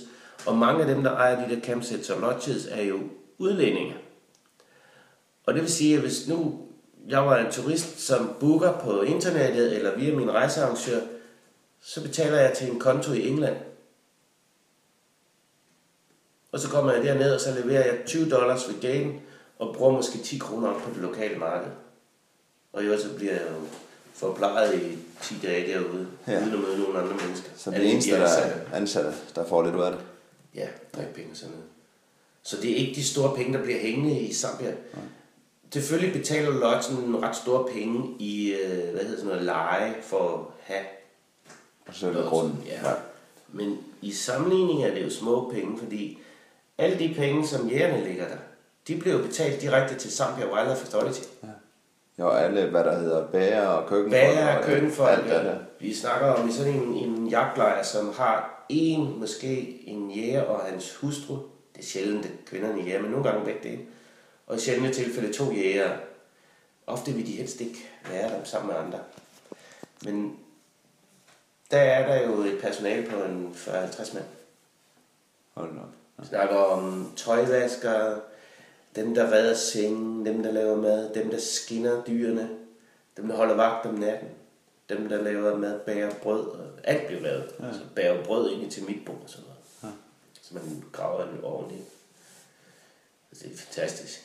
Og så får de jo femstjernet ophold ud med i din teltlejr. Det er helt fantastisk. Ja. Så. Du var lige forbi og besøge en gang imellem måske. Se, Ja, ja, ja, ja. Jeg var altid velkommen. Og, og, og så det der, jeg sagde tidligere, han havde en del danske kunder. Ja. Og, ved, og det var der, jeg var inde over, det der med Classic Safari. Så nu vi har en kunde, der for eksempel skal skyde en elefant. Og det var både, hvis det var danskere eller amerikanere. Det var jo, at det kunne være lang tid at være alene med en jæger i en lejr i 21 dage. Især hvis personen var lidt kedelig. Ja. Og så var det, så sendte de bud efter mig. Bare lige til at aflaste til sådan... Så kommer der et nyt pus til Ja, kom lige noget. og, Snak om det. Ja, ja, så lige pludselig så kommer jeg, og så kan jeg snakke dansk med dem, der snakker dansk. Det var jo ret sjovt, ikke? Og nogle gange kom de jo også, så tog de og lavede en ekskursion, altså sige sådan en, en udflugt fra jagtlejren, fra ude i bushen, op til et andet sted ude i bushen, hvor jeg boede, og besøge mig. Ja. Og jeg boede jo i, i en lille enklave af hus, som kun havde med nationalparken at gøre. Ud midt i ingenting. Foran mit hus havde jeg en kæmpe stor flodlagune med elefanter, zebra, bøfler, antiloper, leoparder, kom ind i haven om natten og flodheste. Ikke? Ja, ja, ja. Og, det, og, det, og så var det også nede i jagtlejren. Så var det bare, så kom de op og besøgte mig. Ja, ja. Ja, ja. Og jeg havde jo også altid, ved højtider, påske, pinse og alt det der, der kom jo altid kollegaer fra Lusaka, fra MS, der skulle på ferie. Så selvom jeg ikke engang kendte dem, så kom de jo altid og besøgte mig. ja, ja. det var klart, jeg prøvede lige en nationalpark. Du bor lige der, hvor man gerne vil være. Ja, lige præcis. Ja. Så ja, det var faktisk fint. Det var en fantastisk tid, ja. Ja, det var, det var nok den bedste tid, jeg har haft Ja. i mit liv, tror jeg. Og så var det jo, at Michael, selvom Michaels mor og jeg så gik fra hinanden, da Michael var to år, så brugte han jo meget tid nu hos mig, som lille. Øh, fordi han jo var typisk hos mig i to til tre måneder, og så hos hans mor en, maks to måneder ad Hun læste også stadigvæk. Ja, hun læste. Fortsat dengang. Ja. Ja. Så, og så var det, hun boede. Så var det først, da han skulle til at, øh, i rigtig skole. Og så, at jeg min økonomi eller ikke lige kunne holde til at leve derude, uden egentlig at tjene noget. At jeg så flyttede ind til hovedstaden Osaka, hvor jeg fik job i en, øh, på en farm. Ja. Som, som farm, hvad hedder det, manager, som opdrættede vakler. Ja. Øh, vakler og perlehøns og ender og kyllinger Til, til, altså, til konsum. okay, godt. Ja. ja. Og så var det min opgave at for, forhøje, hvad hedder det, lave en mere produktion. Ja. De øh, lavede de omkring 2.000 vakler om ugen. Og så var jeg der i øh, to og et halvt år. Og da jeg rejste, så lavede vi 7.000 vakler om ugen. Okay, det er en god, uh, god stigning. Ja, det var rigtig stort, og vi havde købt kun én ekstra rugemaskine. Og, med de, og så byggede vi selvfølgelig nogle flere bygninger, men med det samme mandskab, det samme, vi havde vores egen lille foderfabrik. Øh, ja, det var helt vildt. Hvad, nu, nu siger du en lille foderfabrik. Hvor mange mand havde du ansat? Jamen, øh, i, på hele farmen var der jo sådan 50-60 stykker. Ja. ja. Så det er meget manager, som du siger. Altså, Ja, ja. Det er og- det med hænderne, jeg gik rundt i min hvide kittel, og så øh, shorts og mine safari-sko, du ved, sådan nogle små ruskinsko, ikke? Det er, hvad hedder de, ørkenstøvler. Ah, ja. ja, ja. Ikke lange strømper. Kun når det var koldt om morgenen. Det er faktisk rart lige at trække strømperne op. jo. Øh, men ellers så, så dem, og så med hænderne sådan foldet om på ryggen. Lettere forberedt med en sort blok i brystlommen her, en kugle. det er så rundt Det var mest, altså, fordi det er lidt sjovt. Hvis man dernede lige pludselig tager fat om en møggrev, medmindre man gør det på en helt speciel måde, på en meget humoristisk måde, så mister man respekt lige med sammen. Det er det helt åndssvagt. Fordi man måske i, i vores kultur vil synes, det er meget sjovt, at chefen deltager Ja, gå foran. Eller, på eller, foran. Det gør man ikke der. Så er man idiot. Ja, så er man hvorfor fanden gør han det? Når man kan få andre til det. Ja. Ja. Selv dem, der skal gøre det. Ja. Han har altså gået i skole. Det er ikke. Hvorfor skal han så gøre det, jeg skal gøre? Altså, det er også noget med at tage en andens job og sådan noget. Ja, Men jeg kunne, det man så kunne gøre, det var at sætte sig ned på en skammel ved siden af dem, der lavede det hårde op og snakke med dem. det vil de glade. Det er det, de synes er rigtig skægt og hyggeligt. Hva- hva- hva- i- Og i nysgerrig, så i den periode, så var du tættere på din søn, Ja, så Så boede han øh, det meste af tiden hos mig. og så gik i skole der ved siden af. Ja, og så kørte jeg ham på skole. Der var sådan en lille privatskole på... Det var jo alle de hvide farmer derude, der havde lavet en, en, en privatskole. Okay, så internationalt. Engelsk ja, og... Ja, engelsk. Efter engelsk curriculum. Ja, så der var ingen problemer for ham ind. Nej. Lazy J School. Ja. Øh, det var Lazy J Farm hed. Og så var der jo øh, den der skole, som var faktisk på farmen. Ja. Der var lokaler, der var også en poloklub.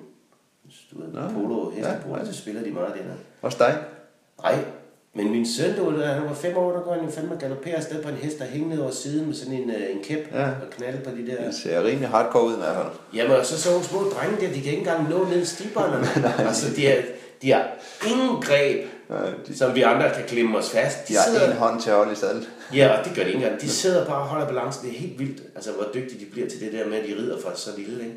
Så de fik bare hestene udleveret. Jamen, det er hver torsdag en del af undervisningen. Hver torsdag morgen, så 10 km ridt ud i bushen der. Det var en kæmpe stor farm, ranch, hvor de ja. havde kvæg og så det var bare bushland. Så de Gamle lige. traditioner. Ja, altså rigtig English, og så fik de jo 10 år i skolen. Så rigtig blandet øh, alle fra alle mulige nationaliteter. Ja, men øh, hovedsageligt, at Michael er den eneste øh, ikke-hvide. Ja.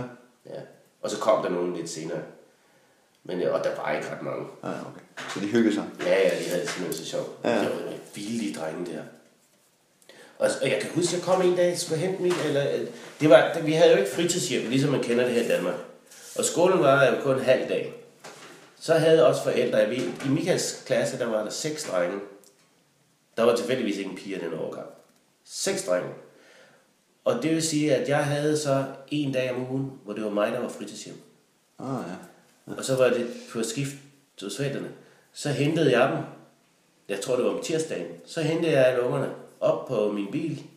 Og så kørte de de der, øh, jeg tror, det var 8-12 km hjem til mig. Og så passede jeg dem om eftermiddagen. Sammen med min, eller Michaels barnpige. Ikke? Så skulle jeg lave frokost til dem. Sørge for frokost, og så var de hos mig. Så hentede forældrene dem om aftenen. Og andre dage, så hentede jeg ham så et andet sted. Ja.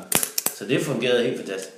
Og de kravlede rundt, og de byggede huler i træer, der var uden opsyn. Altså, Ja. de, de der hedder man med en curlingfelt, og dernede den går helt, godt. hjertestrøm. Ja, ja. Det er det samme med, med jeg er opvokset på gården. Det løber bare rundt. ja, ja. Ja. Jamen, så kom de hjem med, med splinter i fødderne, og de løb bare tæer. Altså, lejet var helt vildt. Det var virkelig, de var sunde og stærke. Og så kan jeg huske, at jeg kom jeg nemlig ned til skolen, og det vil man jo ikke opleve her, at øh, det var på en onsdag, der havde de arts. Det må være det, vi kalder formning, ikke? Ja. Så er de kun 5 år, 5-6 år. ikke? De er jo ikke ret gamle. De, er- det britiske curriculum, det er jo meget tidligere med rigtig egentlig undervisning. Ja. Så var der ikke nogen. Så det var da sært, de skulle da stoppe. Så kom der noget over i det fjerne støvsky. Så kom der en, en uh, Toyota Land Cruiser, en Hilux pickup, med alle ungerne bagpå. Ræsen af sted og læreren. Lærerne, begge lærerne, de sad foran og snakkede. Men prøv at forestille dig, der var en 15-20 unger op på ladet. Ja, uden sikkert. Uden sikkerhedsseler. Og det havde bare været ude, og så i stedet for at skulle sidde i klassen og tegne, så havde de kørt ud ved en lille skovsø, og så havde de sat dem til at tegne, hvad de kunne se det ud. Ja. Fantastisk. Fantastisk, ja. Ja. Og det kørte bare derudad. Det kørte der ud af i endnu nogle år der i Zambia. Så var det jo så lige pludselig, at øh, jeg ikke kunne få fornyet min arbejdstilladelse. Og så, øh, så, var det, så var det hjem. Ja. Så blev jeg nødt til at tage hjem. Og der tog jeg så Michael med. Ja. Egentlig uden at spørge hans mor. Og så kom jeg til Danmark. Men der havde jo været nogle voldsomme konflikter mellem mig og, og Michaels mor. Ja. Som også har betydet, at jeg i 2008, det var efter jeg var begyndt på det. Jeg var lige begyndt på den der farm inde i Lusaka. Hvor jeg blev øh, sat i spjældet, fordi med falske anklager. Og blev faktisk også sendt ud af landet. Og var i en periode i Zimbabwe. For lige jeg ikke måtte opholde mig i, i Zambia. Ja. Og kom tilbage. Jeg havde nemlig en kæreste der. Hun var taget med mig til Zimbabwe. Så blev hun syg øh, for gul feber. Og vi er i Zimbabwe i 4-5 uger, hvor hun bliver så, så syg, at vi bliver nødt til at, at komme tilbage. Der, der tager jeg op og snakker til dem op ved grænsen, og får lov at rejse ind, og får endda et visastempel på, og, på sådan et stykke øh, tillægspapir, Ja. sammen med et stempel i passet. Og men så går der jo så ikke anden 7-8 dage, så dør Rhoda der af den der sygdom, af det der gul feber. Og så dagen efter hendes begravelse, der øh, havde min ekskone, tror jeg, fundet ud af, at jeg ville være i landet, hvor jeg egentlig ikke burde være der. Men jeg havde jo fået et visa der. Ja. Og så bliver jeg indkaldt til immigrationsmyndighederne og kommer til møde. Jeg skal være der kl. 14. Kommer ikke kl. 14, så bliver jeg bare sat på en bænk. Præcis kl. 17, det vil sige, når ambassaden, den danske, lukker, Ja, så kalde så bliver jeg kaldt ind.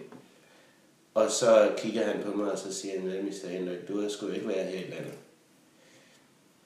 Og så viser jeg ham de der papirer, tager han det op, og så river han det i stykker, og så siger han til mig, It seems to me that you don't know, you no longer have a valid visa. We have to detain you. og så smed han de der stumpe papirer ned i skraldspanden, og så kom jeg i håndjern, og så blev jeg kørt i spillet. og så ringede jeg fra spjældet til ambassaden, så kom der nogen fra ambassaden den næste formiddag. Om aftenen, der kom der nogle af mine venner som jeg har fået fat i, og der kunne de få mit visekort ud igennem trammerne. Det, jo, det var bare trammer jo. Så kørte de ud og købte chicken and chips til mig og mine 17 andre medfælder. Der sidder et bur på øh, halvanden gange 3 meter med lokum i hjørnet. 17 mand, halvanden gange 3 meter. Så købte jeg øh, kylling og chips til dem alle sammen, fordi de havde jo ingen mad, der var ingenting. Man får jo ikke mad af fængselsvæsenet der, man får mad af sine pårørende. Hvis ikke man har nogen pårørende, Så, og hvis de ikke ved, at man er der, ja så er man på skideren. Så må man deles. Så kom de med mad til os alle sammen. Og så var jeg jo der, og det der over døren fra politiets kontor, det var jo ikke rigtig fængsel, det var det, der man kalder, hvad hedder det, detention, detention ikke? Ja. Så står der ikke besøgstid op over døren, der stod feeding time. ligesom jo dyr. Ja, så, kunne, så stod, og så stod der så tidspunkt, hvornår på sådan et skilt, hvornår man kunne komme og fodre sine pårørende, eller hvad det er. ikke? ja, og man måtte belege. Ja. Men så, og så fløj jeg så til Malawi, Lilongwe. Hvordan kom du ud? Det var ambassaden, der købte en billet til mig, og ved at øh, bruge mit kort også. Og lige snart en billet, så vil de sende dig ud. Ja, de kunne ikke lukke mig ud, før jeg skulle have en billet. Så tog jeg bare ind til Malawi. Ja. Fordi jeg havde jo stadigvæk mit arbejde. Jeg ville jo gerne tilbage til mit arbejde. Ja. Og så prøvede jeg at tage den til Malawi. Og så var jeg helt utrolig heldig. Jeg kommer til øh, Lilongwe med flyveren. Det er kun en time derfra, en time eller anden. Og tænk ham der, øh, immigrationsofficeren, der fulgte mig ud. Han stjal mit kamera på vej. Uden jeg opdagede. Ja. Jeg havde lige siddet og vist ham nogle billeder, han spurgte sig flink til. Og der havde jeg de sidste billeder af Rhoda, min kæreste, som det var jo på diktat. Ah, ja. Så snuppede han kraft om kamera, så jeg havde ikke nogen billeder af hende fra det sidste Det sidste, måned, vi var sammen. Jeg har jo så fra før det, ikke? Ja, ja, men det er så. Det var den tid i Zimbabwe, hvor vi var der. Så kom jeg til Lille Onkel sent om aftenen. Jeg ved ikke, hvad jeg skal være. Så kan jeg huske telefonnummeret til min onkels farm i Nomati, som jo ligger 300 km syd. Så jeg prøver at ringe. Det var en gammel fastnettelefon. Så ringer jeg, og så svarer min tante. Så siger jeg, det er Henrik, jeg er i Lilonke. Lars er Eli Lonke, den her telefon virker ikke, du, du, du, du. Lars, det er så min grandfætter, ikke? Ja. Den telefon, fandt jeg så ud af senere, har ikke øh, ringet i overvis. der, der ringer, der virker den lige. Ja. De der splitsekunder. Splitsekunder. Ja. Og så øh, begynder jeg så næste dag at lede efter min, onkel, Lar- eller min øh, grandfætter Lars. Og, og jeg kan ikke, jeg på telefonen der er ingenting. Så går jeg ind for at købe en billet. Og så sidder jeg og snakker med hende pigen, der skal booke mig en billet til, til Danmark. Så siger hun, øh, hvor jeg kommer fra. Jamen, jeg kommer derfra. Så siger jeg til hende, hvor kommer du fra? Jamen, hun kommer fra Namati. Ah, det var der, hvor min onkels far med er. Så sagde jeg, kender du så den og den? Jamen, det gjorde hun. Og så kendte hun så en farmer, som har en anden farm i Lilongwe. Hun kendte så ham, fordi han kom derind og købte billetter. Ja. Og så fik jeg hans telefonnummer. Så ringede jeg til ham. Og så var han lidt mistroisk. Hvem fanden ringer og siger, at han gerne vil fat i Lars? Fordi der var på den måde en masse telefonskam. Så siger jeg, hvem jeg er. Så siger jeg, at jeg er, sidder der og der. Hvis du kan få fat i min onkel, eller min fætter Lars, sig til ham, at jeg sidder inde i Lille Onke. Der og der. Så gik der to timer, så kom han i sin pickup med en køletaske med tre iskolde Carlsbergøl. Ja. Og så blev jeg sammen i et par uger. Han var så blevet driftleder på en af verdens største tobaksfarme. Ja. Og så er jeg der, og så min anden grandfætter, han arbejder nede i en nationalpark, nede i den sydlige del af Malawi. Så flyver jeg, øh, nej, jeg kører med bus helt derned til ham, og så er jeg der, og så kommer jeg tilbage til den Malawi farm, og så, ja, så er jeg der vel i fem uger i alt. Og så rejser jeg til Danmark, og så går der jo helt hen til august, før jeg kommer tilbage til Zambia, Før du får lov til at komme ind. før jeg får lov til at komme tilbage. Og den, ja, den tid ser jeg slet ikke Michael. Er det forældremyndigheder, hvis jeg må ønske? Hvad? Er det forældremyndighed, I slås om, eller hvad fanden? Øh, nej, det er bare, øh, ja, både og, altså, ja, det er bare, det er sådan noget kulturagtigt dernede i Zambia, der er det som om, at hvis man har haft en kone eller en kæreste, så når man går fra hinanden, så skal man have hinanden. Og, øh, og ens nye konekæreste skal også have den gamle konekæreste. Det er jo fuldstændig åndssvagt. Altså, Men ikke noget med børnene. nej, Nej, det er bare... det er sådan en total krig -agtigt.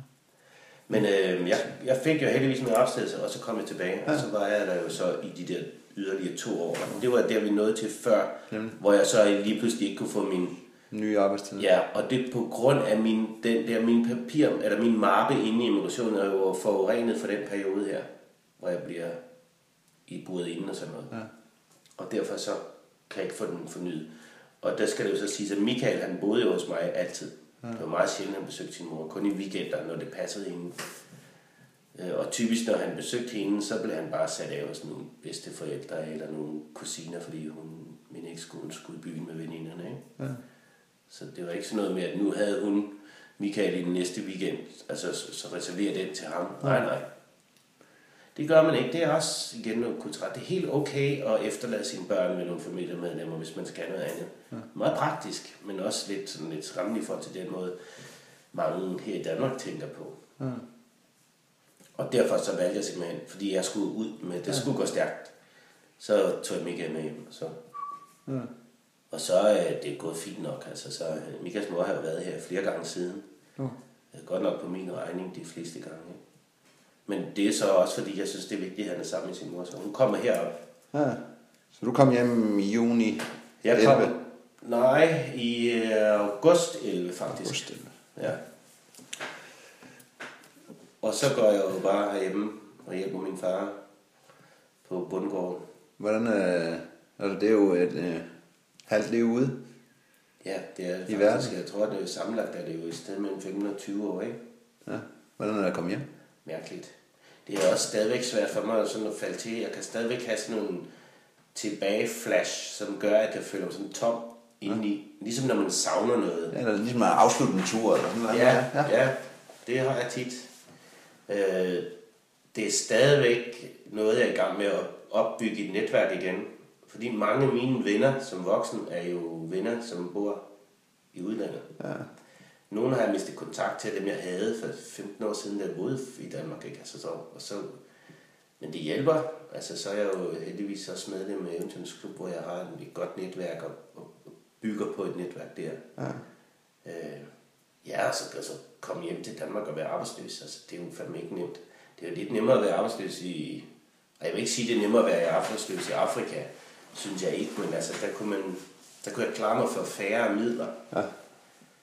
Øh, så, fordi jeg har jo aldrig tjent de store penge. Jeg har jo sådan skrabet derhen af hele tiden. Ja, hvad er lysten der? der Ja. ja. Og den der med at have lyst til at blive. Ja. Men det må også indrømme, at det brænder altså også efter at komme ud igen. Ja. Så snart muligheden er, så gør jeg det. Så godt. Så det er ikke permanent på den måde. Nej. Nej, nej. nej, nej. Hvordan, nu, øh, for lige at samle op på det, nu er du sammen med onkel Svend, og han har ledet det hele der. Hvornår forsvandt han? Han døde det samme år, jeg rejste til Zambia med mænd fra det samme. Ja.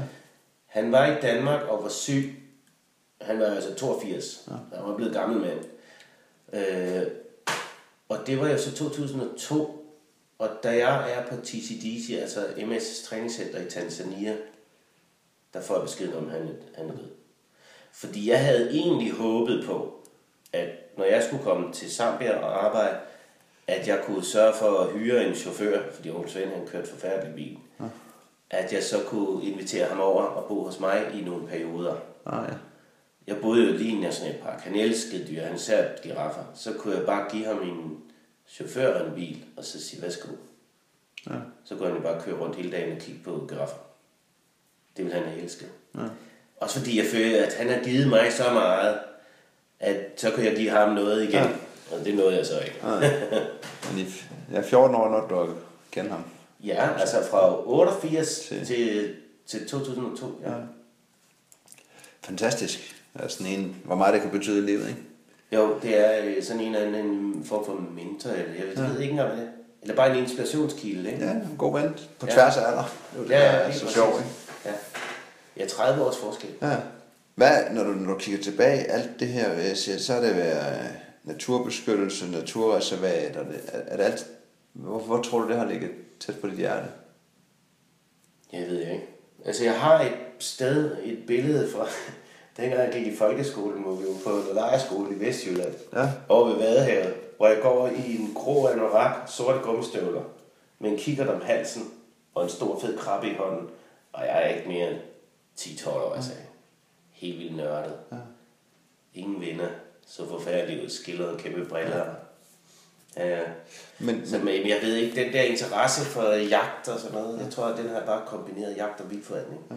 Naturbeskyttelse, det, det, det kombinerer jeg. Der er mange, der synes, det er mærkeligt, at man kan gå på jagt og så beskytte natur. Det er men, øh, men det er faktisk i mange tilfælde, især i Afrika, en absolut nødvendighed. ja, fordi det sikrer økonomien, kan man høre. Ja, det, det, det er jo, det, vi snakker jo om, som jeg tidligere sagde, det er meget politisk. Ja. Det er også meget, meget omkostningsfuldt at, at, at lave naturbeskyttelse. Ja. I Danmark er der jo kæmpe slagsmål om, vi har jo det, de prøver at kalde nationalparker i Danmark. Det har jo intet med nationalparker at gøre. Nej, det er jo ikke. De er jo heller ikke anerkendt ude i verden i IUCN og alle de der organisationer. De synes jo også, det er ret skørt. Men bare det at få statsskovene herhjemme lagt urørte, det koster måske 25 millioner om året, nogen der siger, ikke? Men det koster også øh, det forskellige 100 millioner at, dyrke dem. Altså det, er- det er dyrt. Ja. Og hvordan de regner de der tal, det ved jeg slet ikke. Men det er typisk, som du siger, men mange der sådan, altså, de forbinder ikke jagt med det. Og du har jo altid gået på jagt. Og, Ja, det skal vi ja. ja, bruge naturen. Ja, på dens, ja. På dens præmisser. Ja, det gør jeg. Ja. Og, og, og jeg har jo heldig at have jagten lige uden for døren her, så det gør jeg jo også i det omfang. Ja. Og jeg er jo ikke den, der render rundt og skyder og skyder og skyder. Jeg, jeg gør jo meget. Nu kan du se, da du kom her, der var jeg jo ved at forberede at lave en, øh, en blomstereng. Ikke? Ja.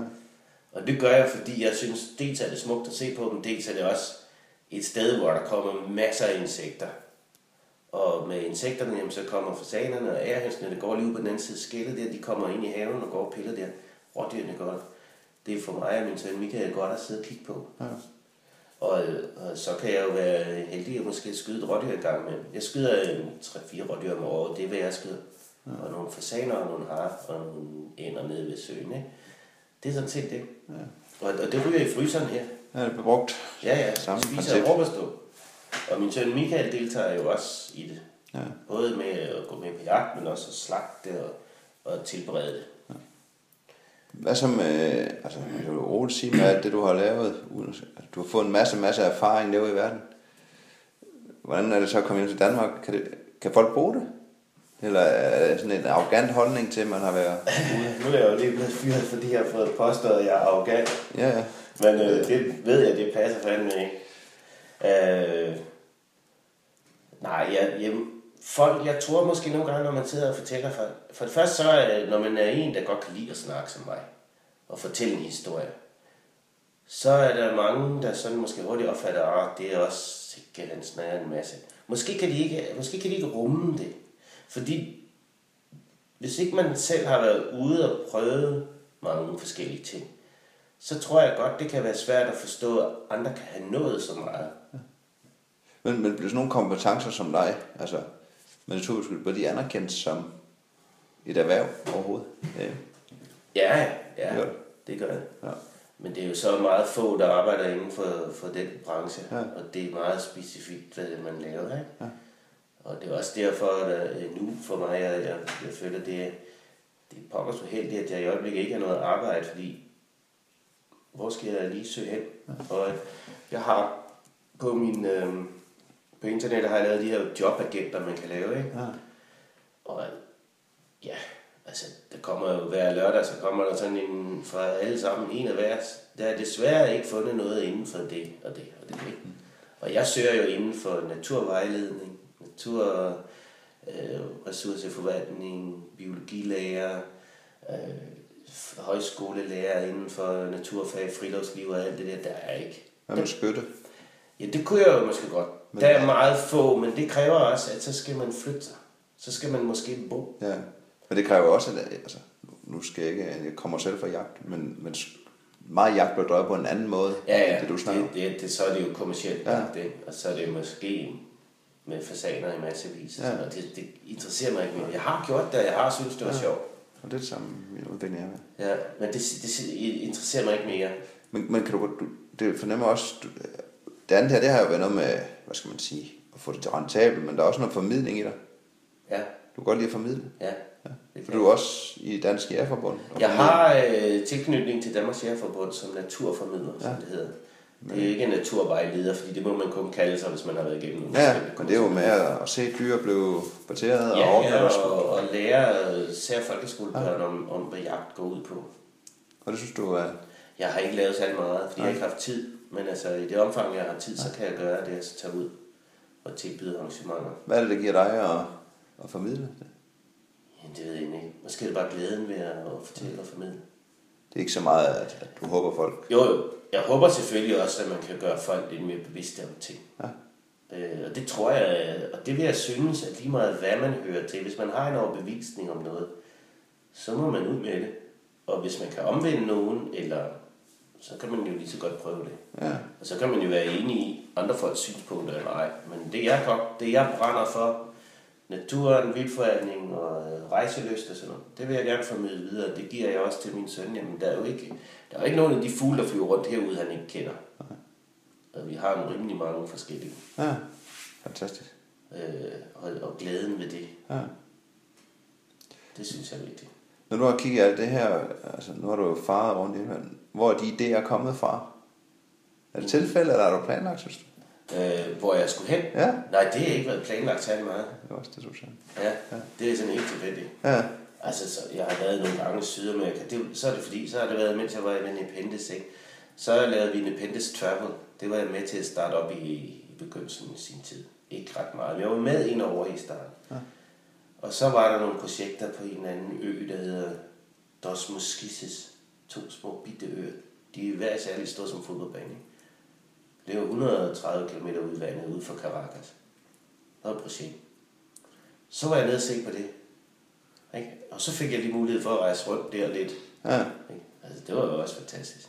Når du nu rejser rundt, nu, nu sagde du i 95 med Zambia, I sad og skrev breve og sendte kort og alt muligt Ja, det er andet til. 80'erne, 95. Ja, ja, ja. Men, men, men i alt det andet, når du har rejst ud, har, har du siddet hjemme med kort og planlagt og Nej. pakkelister? Nej. Jo, pakkelister kan jeg godt finde på at lave en, en dag eller to dage før. Okay. Men det er mest sådan praktisk. Ja. Ja, især når jeg var i, øh, skulle rejse med rygsæk. Fordi der er det altså rimelig vigtigt, at man, synes jeg, har pakket. Og jeg kan huske, da jeg rejste meget med rygsæk, der kunne jeg jo, der kunne jeg jo i blinde, total mørke, finde nøjagtigt, hvad jeg ville i min rygsæk. Bare ved at vide, hvor det hører til. Ja. Det synes jeg var vigtigt.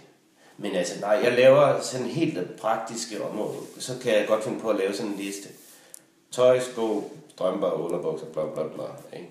Ja. Og så en lille en, hvad skal der i håndbagagen, hvad skal der i den, der skal ned i hånden. Og det er det eneste planlægning, der er. Det er sådan set det. Så håber du, Jo, jo, så ved jeg, at når jeg kommer dertil, så skal jeg måske hen på det hotel der, eller hen til den og den person. Måske bliver jeg hentet af en, jeg kender. Derfra, så, så kører det som regel. er tilfældigt når du så er derude, er der sådan noget, du aldrig rejser uden? Når du altid er med? Ja, det tør jeg næsten ikke sige. Jeg har faktisk sådan en lille grøn sten. Ja. Jeg tror ikke på det overhovedet. Er Men med jeg fik det af en kæreste, jeg havde engang. Øh, den hedder, det er en Aventurin, tror jeg den hedder. Ja. Og den skulle give eventyr. Nå. Altså hende der, min kæreste, så så fandme sød pige. Altså jeg savner godt nok hende. Det var, men det er jo mange år siden. Hende og hendes søn, vi var i, øh, i Namibia. Hvornår var det? I 99 sammen. Ja, ja. Det, øh, var det ikke 99? Jo, det tror jeg. Jo, jo. Der var han kun tre år gammel. Der tog vi ud, og så rejste vi rundt i fem uger ude i øh, ørkenen ude i Namibia. Kun os tre. Ja. Ja. Men hun gav mig sådan en... Hun øh, er også astrolog, eller hvad, hvad hedder sådan dem, der tror på stjerner og sådan noget. Ja. Ja, ja, det der. Hun gav mig sådan en sten. Den har jeg næsten altid med. Ikke altid, men den er altid... Jeg har den et eller andet sted. Jeg ved bare ikke lige, hvor den ligger, men jeg har den som regel altid med. Ja, finder den frem. Og jeg ved ikke, om den betyder noget. Jeg tror egentlig ikke på det. Nej. Men det er bare meget hyggeligt. Altså, sådan lidt andet. Du blev en... Øh, ja. Hvad, øh, hvis du sådan ser tilbage, er der nogen, der har været din inspiration? Har du, har, har du siddet, som vi snakker om i starten, der med de der Afrika, har du læst om andre, og så blev du inspireret den vej igennem, eller er det mund til mund, eller er det... Jeg tror, det er mere mund til mund. Jeg har aldrig... øh, Jeg elsker at læse, men jeg har aldrig været god til at læse. Altså, jeg læser også vildt langsomt. Ja. Øh, så, og så, så jeg har læst... Jeg læste som barn i en bog, der hed Rejsen til Bantram, tror jeg. Det var to. Gud, hvor de er. De må være et eller andet sted. Jeg kan ikke huske, hvem der skrev men det handlede om... Altså, snakker om 1700-1800-tallet. Det er en eller anden lille dreng, der bliver sendt et sted som skibsdreng. Ikke? Ja. Og så rejser rundt, og det synes jeg var vildt spændende. Og der tror jeg, jeg fik meget. Der har jeg ikke været ret gammel. Nej. Jeg kan huske, at jeg pakkede min seng om aftenen med alle mine ting. Som om det var en eller anden mærkelig form for transportmiddel. Skib. Jeg havde alle mine udstoppede dyr og kranier og øh, bamser og bøger, og det var med. Jeg pakkede. Ja. Og så faldt jeg i søvn, og så rejste jeg vel ud i verden den vej der. Ja. Ja. Nå. Jo, så, så har der jo været nogle kendte personligheder. David Attenborough er vildt spændende at sidde og se på. Ikke? Og så, så er der jo de gamle, man har hørt om. Jeg kan huske, jeg kan vise dig senere et billede, jeg købte af en, der sejlede med Nordkaberen. Altså, Troels Kløvedals skib. Han har været på den Nordkaber i meget lang tid. Øh, og, og det købte jeg. Og så, så, så nogle beretninger. Mund til mund, personligt. Ja. Fordi selvfølgelig vidste jeg, hvem kunne Troels Kløvedal var. Thor Heyerdahl var jeg også meget inspireret af, fordi jeg kan huske, at mine forældre var meget vildt imponeret af ham og rar der i 70'erne. Ja. Det der. Så jo, men det er mest været den der, når der er nogen, der har kunnet fortælle mig. ja. Så er de hængt ved. Ja. Ja. Når du rejser rundt i de her ja, sige, yderegner, der, har du så altid noget elektronik eller noget med, eller holder du en helt basis? Jeg er totalt ignorant med hensyn ja. til elektronik. Nu kan du bare se, at jeg begynder hjemme med at installere noget Ja. bagefter. Ikke? Fordi Jeg kan ikke finde ud af det. Nej, helt, helt basis sådan. Ja. Jeg må sige her, altså de sidste par år her, da jeg var sidst var i Afrika, det var jo, øh, jeg synes det er et lidt sjovt udtryk, det der Afrika.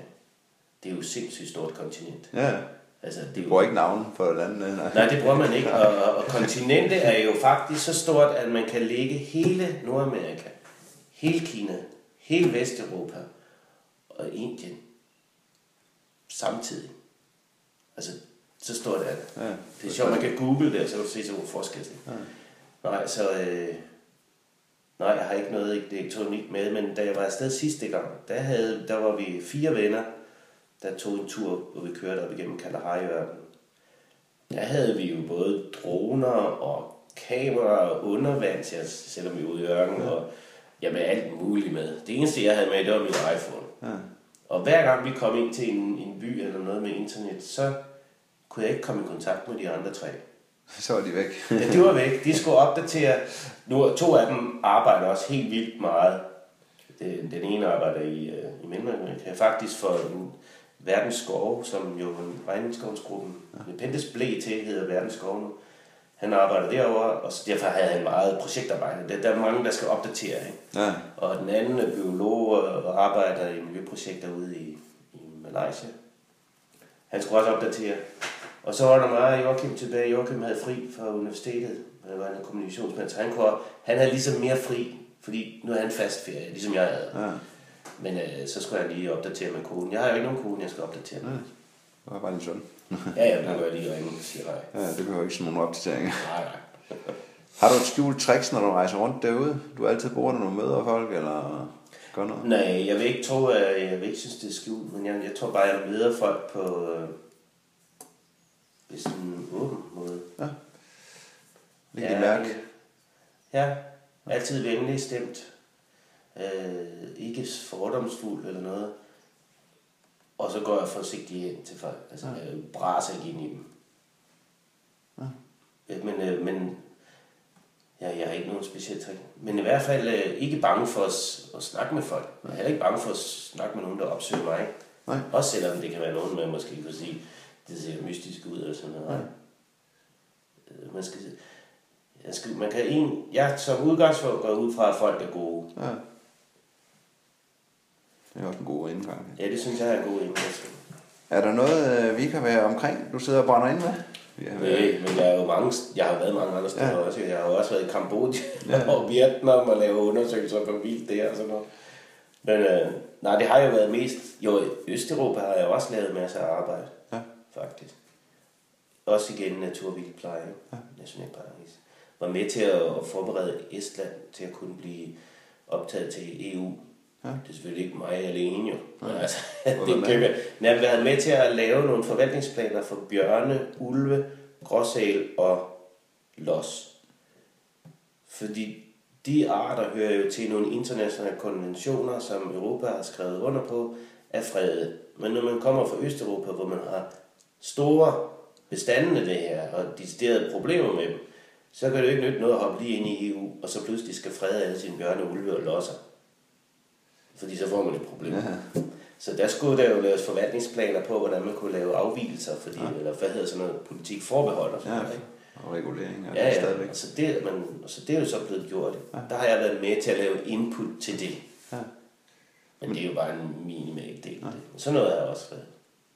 Så øh, Danmark for dig er en periode, så tror du, at verden venter igen?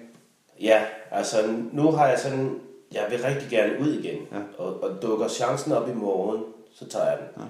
Men nu er der ligesom kommet nogle, nogle krav til. Og det vil sige, at jeg kan kun tage ud, hvis jeg kan have Michael med. Ja. Og så skal det være for mindst et skoleår. ja. Og det skal være en ordentlig skole. Og Ja, det skal være, det skal være en rimelig god skole, ja. fordi nu han, han bliver 10 til sommer.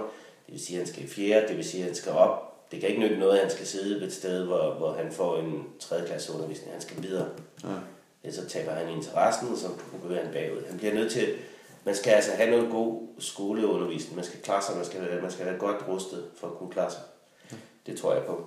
Så nej, det skal være muligt at tage Mika med. Det skal være mindst et år, og gerne mange år. Men øh, ellers så bliver det sådan, at nu bliver det ferier og, og øh, ekspeditioner kortere op til en måneds varighed, så længe han er afhængig af mig. Ja. Lad os sige, at han øh, måske flytter på efterskole. Jamen, så kan det jo godt være, at jeg kan komme ud. Fordi det betyder jo ikke noget, om han skal rejse til, skal vi sige, øh, et eller andet sted i Asien eller til centrale Afrika for at besøge mig i, i øh, påsken. Det kan han jo sagtens finde ud af. Ja. Øh, eller om han skal rejse til syd for Slagelse, Ja, når han er på efterskole. Og i øvrigt, så gider han nok ikke skal hjem til far i weekenden. Det kunne være, det var nemmere, hvis det var Asien. Ja, ja, det er præcis. så nej, så det, men ellers så, øh, så når han er stor nok til, at så kan det være, at jeg dabber ud på må og få igen. Det kunne jeg godt finde på. Mm. Men indtil da, der har jeg pligt til at skal sørge for, en rimelig stabil. Dermed også en god daglig indkomst og alt det der kedelige. Det bliver jeg nødt til for at passe ham. Sørge for hans... Så har du et eventyr lige herude i baghaven med din jagt. Ja, ja, altså Ja. jeg kan sagtens få det ud af at få det sjovt. Ja, Det behøver jeg ikke rejse ret langt væk for at gå på eventyr. Det starter lige herude. ja. ja. Tusind tak. Har du en øh, gæst, du vil foreslå, jeg tager en snak med næste gang? En anden en, du sidder og tænker, det kunne da være den helt rigtige vej at gå. Ja, altså, jeg, jeg, altså, er bare så svært at vide, hvem det skulle være. Mm. Sådan en som min gode ven, Karl Trapper. Ja, det var også en god en, ja. Det kunne Han være rigtig god. Ja. Og vi har jo inspireret hinanden rigtig meget. Han var jo... Han kom jo første gang rigtig til Afrika ved at komme ned og besøge mig. Ja. Og vi lærte hinanden at kende ude i Malaysia, ja. hvor han jo bor. Ja. Og hvor jeg i øvrigt skal ned og holde her tre uger til sommer sammen med Michael. Det kunne være sjovt, når en gang han er hjemme. Fordi det er også øh, masser af natur. Og Ja, fordi han har jo blandt andet en af dem, der har inspireret ham i livet, Ja. bor i Zambia. Og helt tilfældigt ser vi et skib til noget, der hedder McBride Camp. Og så fortæller Karl, at han var jo inspireret af en, der hedder McBride, der boede i Sydafrika. Han havde skrevet om de hvide løver i Timber, Timber, Timbabatu, eller hvad, en eller anden. Timbabati, det hedder det nationalpark. Og han har været en af verdens lø, førende løveforskere. Og så stod der det inde midt i Zambia. Så kørte vi hen, så var det fandme ham. Så han flyttet derfra og derover til. Og nu boede han der. Og det var ligesom at se Karl, som jo, han er jo en af mine store forbilleder, Karl, ikke? Karl sidder der som, og kigge på den der gamle mand, der kom gående med skæg. Høj, det er ham. ja, så var han helt Han var fuldstændig færdig. Det var hans guru, der kommer der, ude midt i bushen. Ja, ja det var meget skægt. Tusind tak, for at du vil være med. Jamen, det var også meget skægt. Og så var det her endnu et podcast for at komme ud. Kunne du lide, hvad du hørte, så skriv en kommentar eller anmeld ind i iTunes, og øh, så håber jeg, vi lyttes ved en anden gang. Hej.